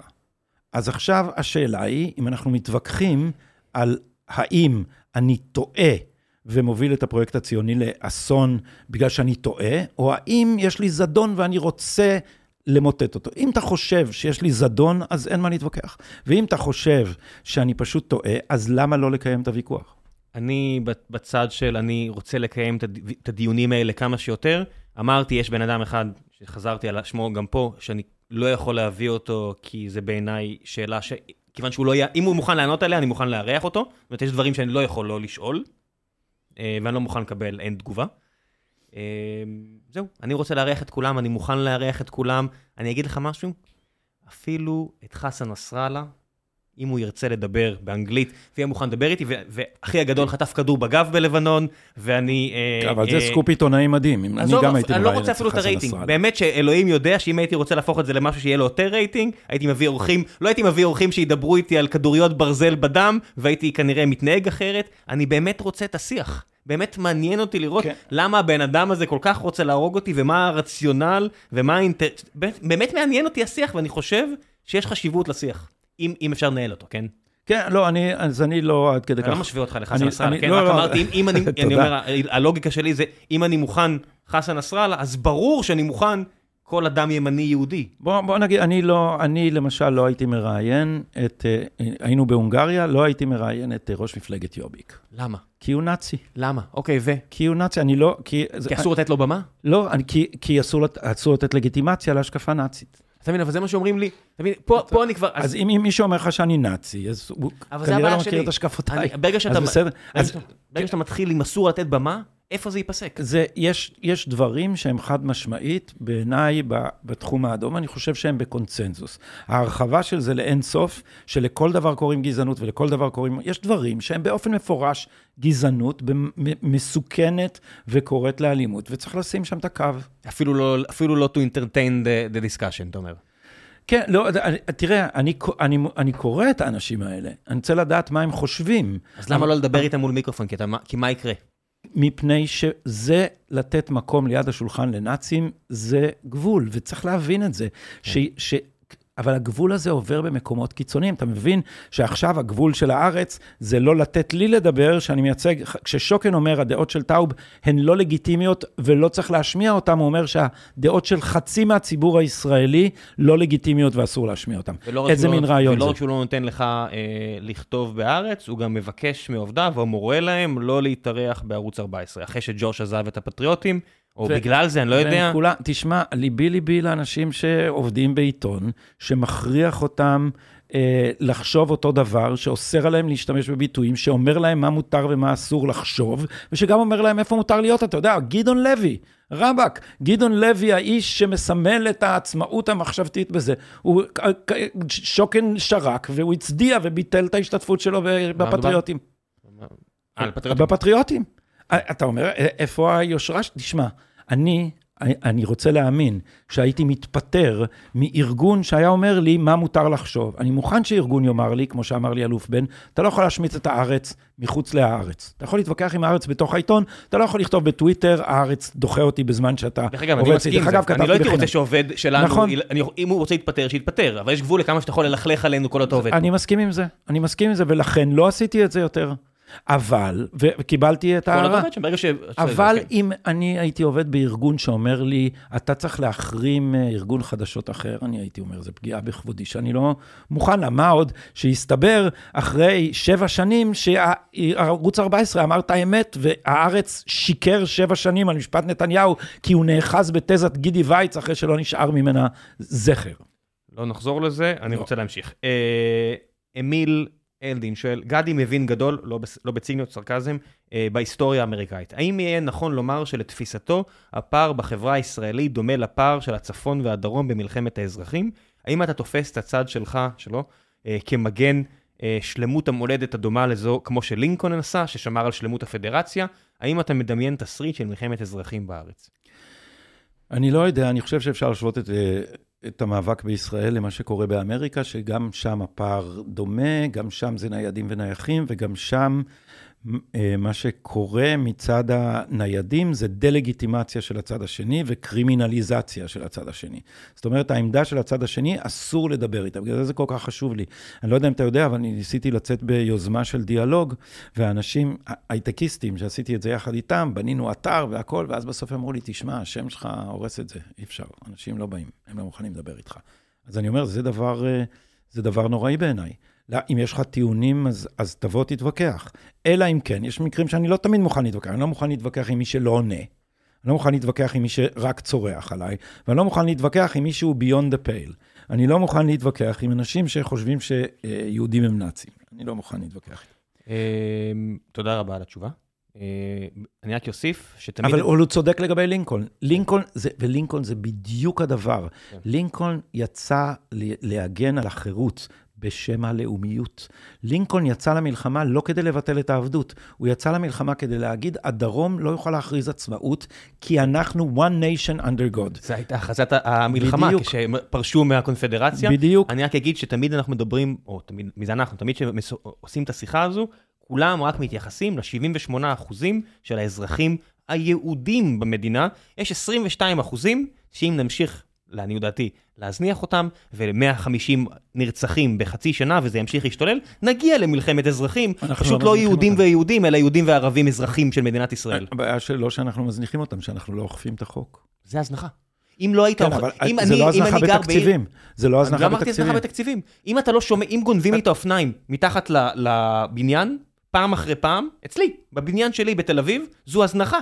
אתה מזניח אותי, אתה מפקיר אותי. אם אני בא מבאר שבע וחבר קונדיטור שלי, שורפים לו את העסק, בלי אפילו לתת סיבה, לא, זה לא שאתה לא מביא לו תקציב, יש תקציב, כן. אתה, אתה הפקרת כן, אותו, כן, אתה אבל, מזניח אבל, אותו. אבל, אבל חברי הכנסת הערבים התנגדו להגברת הנוכחות המשטרתית הרבה זמן. אני לא מגן עליהם. אני אומר שהמדינה המדינה, לא צריכה לשאול נכ... מישהו המדינה, אם לאכוף את חוקיה או לא. נכון, נכון, והדבר הראשון שהיא צריכה לעשות זה לאכוף את חוקיה אה, על הבדואים, וראשון בין החוקים שהיא צריכה לאכוף זה הפוליגמיה, מפני שיש פה נשים שנסחרות מהגדה ואין להן שום זכויות ולא אפילו תעודת זהות. אירחתי פה אישה בדואית, עמל, שהיא לא נתנו לה אפילו ללמוד לקרוא.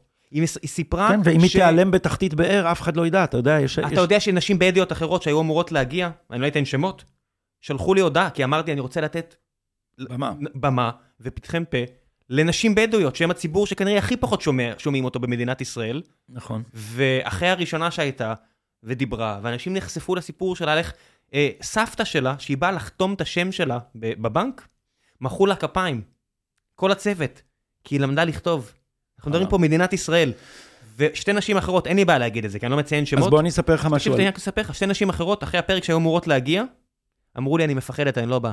זה מדינת ישראל. נכון, נכון, ו... אז בוא אני אספר לך סיפור על כמה רחוק הדימוי, הדימוי מה, מהמציאות, כי, על זכויות אדם. כי בצלאל סמוטריץ' רצה ליזום משהו נגד הפוליגמיה בחברה הבדואית, והוא לא הצליח לגייס את חברות הכנסת הפמיניסטיות מהשמאל, כי לא מטפלים בערבים. נעמה לזימי תכף מגיעה, אתה יכול להשאיר לה שאלה, אני מבטיח לשאול. נעמה לזימי, ניסיתי להתווכח איתה, אבל ויכוח קטן היה לנו בטוויטר שלא הגיע רחוק. אבל אני מוכן, אני מוכן להיות בעימותים כאלה. אני, תשמע, אני, בכלל, אני חושב שצריך להסתכל עכשיו על הוויכוח ולהגיד, בוא נראה מי מוכן לדבר עם מי. בוא, בוא נראה, כי, כי חלק מה, מה, מהזעם העיוור שניתח הוא הכחשה של הצד השני, בכלל יש טיעונים. אז הנה, שואל אותך פה אילן, כן, דוקטור טאוב, אה, תן דוגמה בבקשה למקרה שבו היית ביקורתי כלפי נתניהו והימין. והוא אומר, בהחלט ראוי לשמוע ולהשמיע אנשים, במרכאות מהצד השני, בלי יושרה ו... אה, בעלי יושרה ותבונה. דוקטור טאוב הוא בהחלט כזה וביטחוני, שיצא פרק מעניין. בטוחני, אני חושב. בטוחני, סליחה. אתה... אה, אמ, אז אני הייתי מאוד מאוד ביקורתי על נתניהו כשהוא ניהל משא ומתן נגד, יחד עם רע"מ.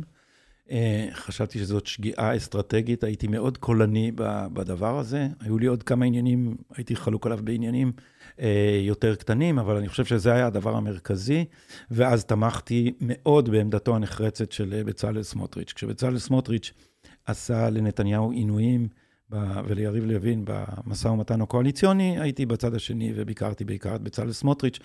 אה, אז אה, התמיכה שלי בנתניהו היא על בסיס מדיניותו, ואם הוא יבצע מדיניות שאני לא מסכים איתה, לא תהיה לי בעיה לבקר אותו. אני לא תלוי באף אחד, אני לא מסכים להיות תלוי באף אחד, אני במשרה אקדמית, שבה, אני לא יודע מה קורה עכשיו, כי יש כל מיני החלטות של הסנאט, שה, שאני שובת כנגד רפורמה שאני בעדה, או כל מיני דברים מוזרים אחרים, אני לא יודע איך זה, הדברים האלה ייגמרו, אבל אני לא קיבלתי, לא בהארץ ולא בשום מקום אחר, את הרעיון שאני צריך, ל, אה, אה, ש, שיש גבולות לדעה שמותר לי להביע, כוכבית, למעט זה שאתה לא יכול מחוץ לעיתון לבקר את העיתון שאתה עובד בו.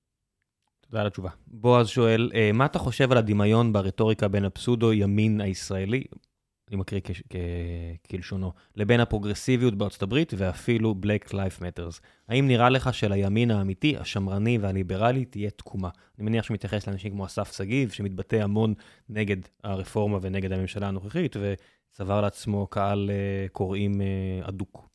אני לא מסכים איתו לגבי ההגדרות האלה של הימין, כי אני חושב שהימין ה... אמיתי הוא זה שהבין שהלאומיות והדמוקרטיה תלויות זו בזו. לכן, מה שאני מנסה לעשות כבר הרבה שנים, עוד שהייתי בשמאל, כתבתי חוברת, היא חינם ברשת, היא נקראת מהי הציונות, להראות שההתקפה על הלאומיות סופה בהכרח התקפה על הדמוקרטיה. חשבתי כשהייתי בשמאל שזאת שגיאה חמורה של השמאל שהוא תוקף את הלאומיות, מפני שזה יבודד אותו, וזה אכן קרה, ואני נטשתי אותו בסוף בגלל שהוא נטש את הלאומיות. אה, הרבה אנשים כמו יאיר, סאורי ואחרים שואלים, איך לדעתך אפשר יהיה ליצור מדינה אחרי השבר הנוכחי? אז מדינה כבר יש, אני מניח איך אפשר... כן, לא, אבל, אבל, אבל ברור שפוגעים פה בליבת הריבונות. אמ, אז השאלה שאני חושב שכולנו צריכים לשאול, זה האם ממשלת הליכוד תעמוד בפרץ ולא תיכנע למרד בצבא. אני חשבתי לפני ההצבעה האחרונה על ה... אה, הגבלת אה, עילת הסבירות, שאני רוצה להאמין שגם אם הייתי בשמאל עכשיו ומתנגד להגבלת עילת הסבירות, נגיד שהייתי מתנגד, גם כשהייתי בשמאל הייתי נגד אה, אקטיביזם שיפוטי, אבל נגיד שהייתי מתנגד עקרונית, מעשית צריך להצביע בעד החוק. מפני שכרגע מה שנוצר, המצב שנוצר הוא שקבוצת קצינים רוצה להכתיב לפרלמנט מה לעשות.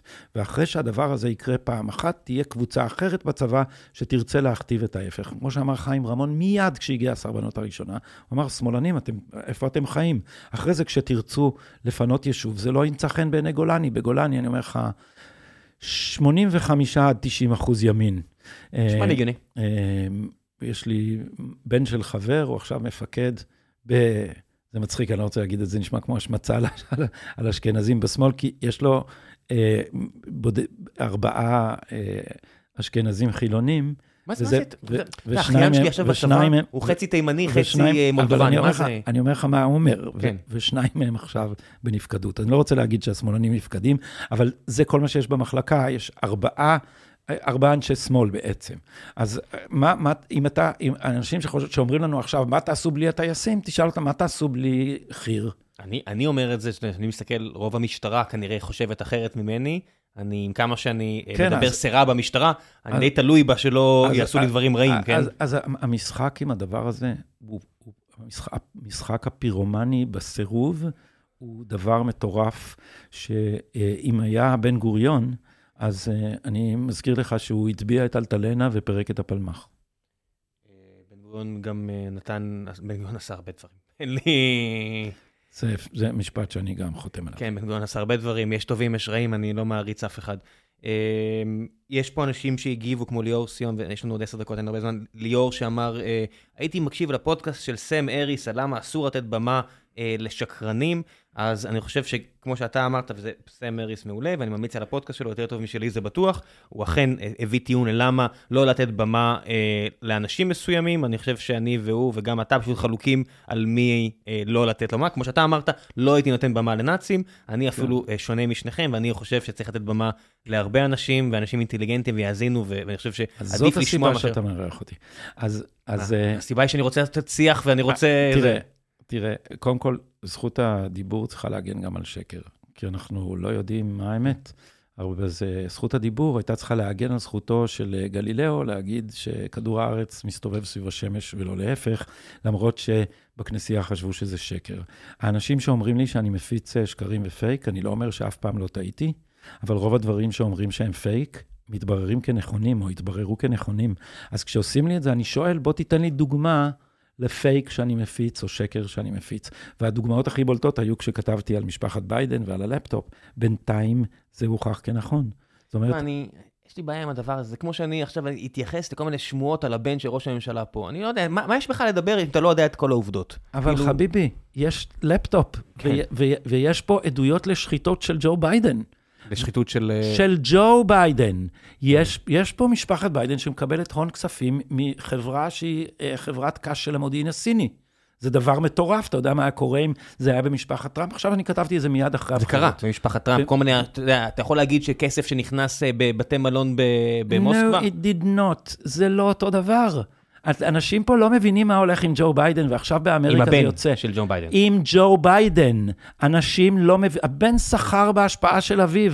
אביו אמר שהוא לא שותף לעסקים האלה, הוא נפגש עם אנשי העסקים שלו. ג'ו ביידן הפעיל את מדיניות החוץ של ארה"ב כדי להציל את האוליגרך שהוא הבעלים של בוריזמה. כי הבן שלו מקבל מבו... למה, למה בבוריזמה, חברת אנרגיה אה, מושחתת באוקראינה, למה שילמו 80 אלף דולר לחודש, או אני לא זוכר את המספר, לבן של ג'ו ביידן? אם לא בשביל זה, הוא לא מבין באנרגיה. אז... מאותו סיבה שמשלמים פה לקצינים בחיל הים כשהם יוצאים, ראם, ופתאום יש להם דירה בסביון, ראם, בבית בסביון, בוא, כן? בוא לא ניכנס לפה בעשר דקות שיש לנו, כן, לנו כי מספיק יש זמן. שחיתות עצומה של משפחת ביידן, ומה שאמרתי, כן. אחר כך תועד והוכח. כן, אז אני- מי שאומר לי שאני משקר, בבקשה יגיד מה השקר, אני אפגוש אותו בטוויטר ואני אראה לו ממסמכים רשמיים מה האמת. טוויטר או בפודקאסט שלך, איך הוא נקרא? הפודקאסט שלי נקרא שומר סף. שומר סף, 180 פרקים, הרבה גדי יש לכם שם. אין לנו מספיק זמן, אבל ממש רציתי לתת uh, מקום לשאלה הזו של הסולידית. היא בעיקר רצתה לשמוע אותך מדבר על, uh, על הרדוקציה בימין הישראלי ל, uh, לתיאוריות מרקסיסטיות, אני מסכים איתה. יש פה תיאוריות מרקסיסטיות שלפי דעתי הן סופר מסוכנות, ו, ואני חושב שהן הרסניות. אני זאת אומרת, מסכים. כש, כש, כשאבא שלי אומר לי, האשכנזים עושים ככה ועושים אחרת, אני אומר, אוקיי, יש פה, יש פה עניין, משהו פה קורה, משהו פה קרה. אה, אתה יודע, זה מסוכן מאוד. כן, כן. אה, אה, אז אי אני- אפשר להחזיר את השד הזה לבקבוק. אז, אז אני, זה לא, תראה, אני מתנגד אה, ותיק לפוליטיקה של הזהות, אבל אני לא מכחיש גזענות. עכשיו, מה ההבדל, מה ההבדל ביני לבין הפוליטיקה של הזהות ולתיאוריות מרקסיסטיות, ואני לא, אני ימני בהשקפתי הכלכלית. ההבדל הוא שברמה התרבותית, ומדובר פה על cultural marxism, מדובר על מרקסיזם תרבותי, כן. אני, להבדיל מהפוליטיקה של הזהות, אני לא רוצה לשמר את אי הזהות. אני לאומי בהשקפתי, ואני רוצה מיזוג גלויות וכור היתוך. הפוליטיקה של הזהות, המטרה שלה זה לפרק את כור ההיתוך. אני בצד של כור ההיתוך, אבל אני לא בצד של כור היתוך שמדיר מישהו. וזה מה שאנחנו רואים כאן. אם אתה תסתכל על מה קורה בבית המשפט העליון ועל אהרן ברק, שאומר על שופט מזרחי שהוא לא מהמשפחה ולא צריך לקבל. אותו. אז, את- אז למה, למה יש ייצוג על כל השנים על, בבית המשפט העליון, 15 אחוז למזרחים? זה לא מקרה.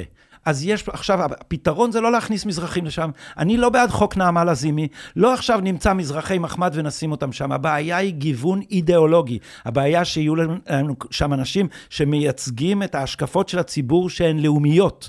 לכן צריך להכניס לשם שופטים אחרים. אני אגיד שהבעיה היא הזנחה נפשעת, ולא רק מבחינת תקציבים, אלא מבחינת עניין ציבורי, במה שקורה אה, בפריפריה החברתית והפריפריה הגיאוגרפית של מדינת ישראל, ומה לעשות שלא, שהאזורים שלא האלה... לדבר על השנאה, תשמע, כתבתי מאמר ל- לפרסום בארצות הברית שנקרא טאבלט, על האלמנטים הגזעניים במחאה נגד הרפורמה, תלך תבדוק אותו. יש, אתה, ראית איזה, אתה ראית איזה מילים גזעניות מטורפות אנשים אני- משתמשים בהן? מי שקורא את הטוויטר שלי יודע מישהו אמר, מדובר נגד זה." בשני סוגים של בני אנוש, מה נכנס בכם? זה רן אדליסט במעריב, אתם מלא- יצאתם מדעתכם? מלא גזענות. אמ, שמע, אז- אז זאת התשובה ה- אני- אני לסולידית. רוצה להגיד, השם משפחה של הילד שלי הוא אספיר שרמן. לפני השרמן יש שם עיראקי. אז, אז אני אומר שמבחינתי, כשאני רואה דבר כזה, אני מגן על כבודו של הילד שעדיין לא יודע לכתוב בטוויטר, מבחינתי זה כבר נהיה אישי. תקשיב, אח, כאילו- אחות אחת שלי נשואה למרוקאי, והאחות שנייה שלי נשואה לתימניה. אז בסדר, אני בא ממשפחה שבה זה היה לגמרי ברור שאנחנו עם אחד וכור היתוך. איזה רעי מתח וכור היתוך? אני אומר, אני מגיע ממי שנקרא איסטן יודן. האשכנזים לפני שהם... אה. אוסטן יודן. לפני שהם ירדו על, ה, ה, על המזרחיים ועל הפרנקים, פרנקים, לא משנה הם מה. ירדו על המזרח אירופים. על מזרח זה אירופים. כן, בוא... ה- הגזענות טבועה ועמוקה, והיה... כן. ואתה יודע, בסופו של דבר, אני אומר, אם באר שבע ונתיבות ואופקים ושלומי וכל המקומות האלה היו נראים כמו לב תל אביב, היה הרבה יותר שופטים... אה, אז אני רוצה כן. לשאול אותך משהו. האם המחאה נגד הרפורמה מבינה שהיא עכשיו משפילה את חצי הציבור, שמרגיש אני- שאין לו חלק? אני לא יודע מה זה המקשה אחת, אני לא יודע מי זה המחאה. ה- אני, ה- ה- אפשר למצוא מכנים משותפים למחאה, ממכתבי הטייסים ועד הביטויים החוזרים. האם מבינים שבלימת הרפורמה תהיה השפלה בלתי נסבלת לאנשים שמרגישים שהאליטה הישראלית היא מועדון סגור שאין להם כניסה אליו, וכשמפרסמים מכתבים בשם הטייסים, הפרופסורים, השופטים, הגאונים, ההייטקיסטים ואחרים, רק אומרים להם שוב ושוב, הקול שלנו שווה יותר. כמו שנדב אייל אמר את זה בצורה כל כך, אני אתלה את זה בחדר. הוא אמר, בדמוקרטיה כל הקולות שווים, אבל לא כל הדעות שוות. אז אני אגיד שהם לא. מבינים, אה, כמו שמי שהוציא הצעת חוק יום אחרי העברת עילת הסבירות, גם ש- לא מבין. גם לא מבינים, אתה, אני אני לא מאשים אותך, אתה זה ברדיו, אני יודע, אתה כתבת על ארוכות, זה. קראתי- כן, אתה כן, אני יודע, אומר, אבל בסופו של דבר, הרבה לא שפטן. מבינים, אה, ציטטתי- הרבה לא מספיק אמפתיים. ציטטתי את דן שפטן, שאומר שהתשובה ל-90% מהשאלות בעולם זה כי הוא אידיוט. אה, או כי הוא לא אמפתי מספיק. דן, לא, אמפתיה זה לא הצד החזק של דן שפטן. גדי, תודה רבה רבה על תודה הזמן, רבה, ראם, ואם יהיה לך מספיק. אנחנו נעשה את זה שוב, כי לא הגענו להרבה מהדברים שרציתי להגיע, ובמילא כבר יפתחו לבחור תחת חדש על הסיפור הזה, אז למה לא נעשה שוב? בהצלחה, אני אקשיב, אני אקשיב. יאללה, תודה רבה. תודה.